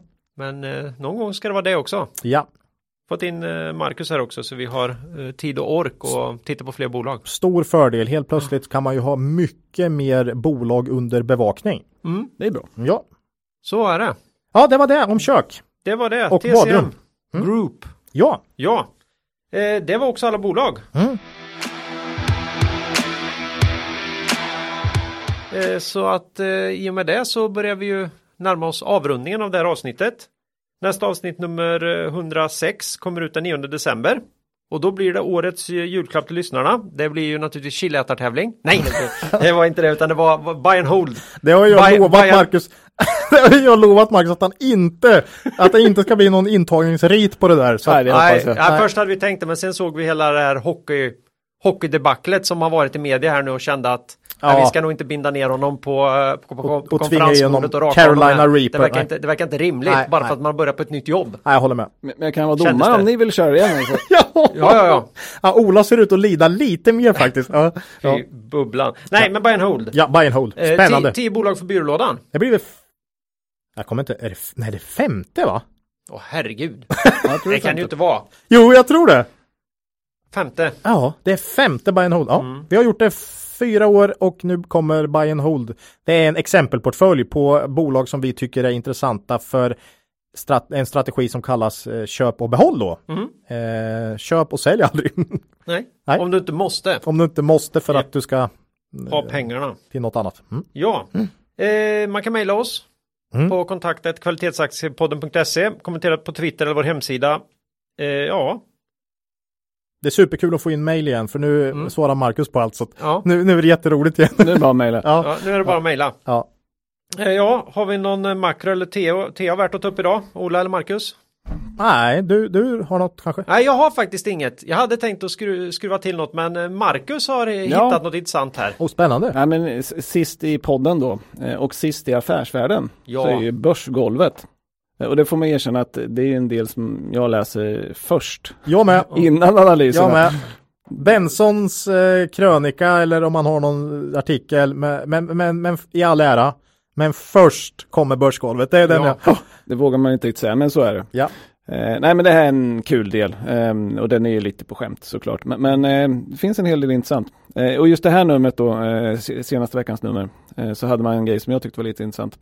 Eh, det var då en besviken bagel på diplomat. De har ju ganska roliga sådana här Ja, det är ju beskrivningar. Lite deep throat så här. kul. Ja. Eh, nej men han klagade då på pressmeddelandet som Storytel skickade ut vid förvärvet av Audiobooks eh, den 12 november. Eh, där skickar man först ut ett PM helt utan köpeskilling, omsättning, marginaler, men bara en massa lull som jag säger. Okej, man har köpt ett bolag men inget mer. har köpt en bolag, det är jättefint och jättebra och vi tänker inte berätta någonting om Okej. det. Mm. Ja, då var han sur, den här Ja, bagelen på. S- Sen fick man ju då påbackning av någon förmodligen, så skickade man ut en komplettering och då tog man med att man hade köpt det här för ett bolagsvärde på 135 mi- miljoner dollar. Okej. Det vill säga 1,2 miljarder. Det här är inget litet förvärv. Eh, alltså Storytel har ett eh, marknadsvärde på 11 miljarder själva. Oj, Mm. oj, nej, det är substantiellt alltså. Så det är väldigt substantiellt. Mm. Eh, att då inte lämna finansiell information om målbolaget är undermåligt. Mm. Jag förstår inte hur ledningen på Storytel och hur ER-avdelningen tänkte där. Hur ska någon kunna liksom bilda sin uppfattning om det här? Eh, och jag är alltid lite så att om man utelämnar omsättning, då är den låg. Utelämnar man vinsten, då, Då är den då, då obefintlig. är det förlust. Eh, det är det man tänker i alla fall. Ja. Men jag har ingen aning. Eh, det går inte att bedöma och det är ju det som är poängen. Mm. Eh, man måste ju ge mer information än så här. Ja.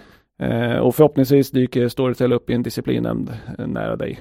Är det inte så att är det substantiellt så måste du spesa sådana Ja, grejer? jag, jag tycker inte det här första pressmeddelandet på något sätt följer regelverket. Nej, nej. Eh, Så att eh, vi får se. Skärpning. Jag vet inte om ni kommer ihåg eh, dokusåpan Villa Medusa. Ja, jag kommer ihåg vad den gick ut på, men inte mycket mer än så alltså. Så, vad de avslutar med varje avsnitt, kommer du ihåg det? Nej. Det var ju då för, för lyssnarna som inte har sett det så, så var det en dokusåpa, den lämnar kanske inte så stort avtryck. Men jag kommer ihåg det man avslutar med varje vecka var att man delade ut vita och svarta kameler Jaha, till de som hade gjort någonting bra och gjort något dåligt. okej. Eh, och veckans svarta kamel går då till Storytel. Ja. Skäms. Ja. Ja, Be- var- bättring. Ja, jag älskar ju också, också börsgolvet. Så jag hade tänkt att ta något där men eh, sen backar jag men jag får väl gå på det igen. Eh, de, de sa ju det här att eh, inte bara Avanzas aktie är ju all time high så att säga. Åh, Den var lite farlig. Är det pam psh? ja det var det verkligen. Eh, nej men det är jättekul. De Ja. är, det är verkligen roligt. Och ibland är det ju nästan lite otäckt vilken typ av information som finns där. Jag tycker Mm. man kan läsa, de hade med för några avsnitt sedan eh, där de skrev om eh, rykten om eh, i, upp, Budet på Ica. av, av budet på Ica. Mm. Fundera över vad, vad som sägs där och varför den avslutas med fyra punkter.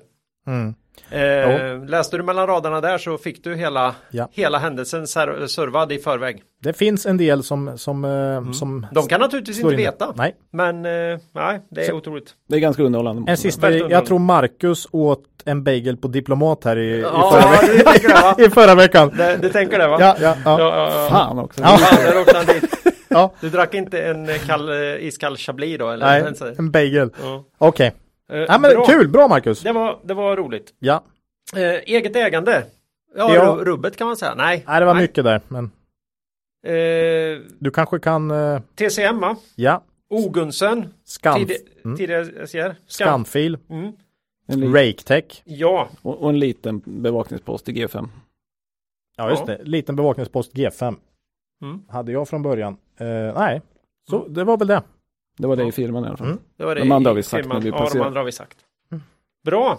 Jaha, då säger vi hej då. Missa inte Affärsvärldens erbjudande och missa inte heller att gå in eh, på Cavaliers hemsida, cavalier.se och läsa på om deras fina erbjudanden. Och kom då ihåg att historisk avkastning i fonder inte behöver vara en indikator på framtida avkastning och att ni kan förlora delar av ert satsade kapital då fonder kan både gå upp och ner i värde. Då säger vi hej då för den här gången och ber er komma ihåg att Det är först när tidvattnet drar sig tillbaka så du får se vem som badat naken. Lose money for the firm and I will be understanding. Lose a shred of reputation for the firm and I will be ruthless.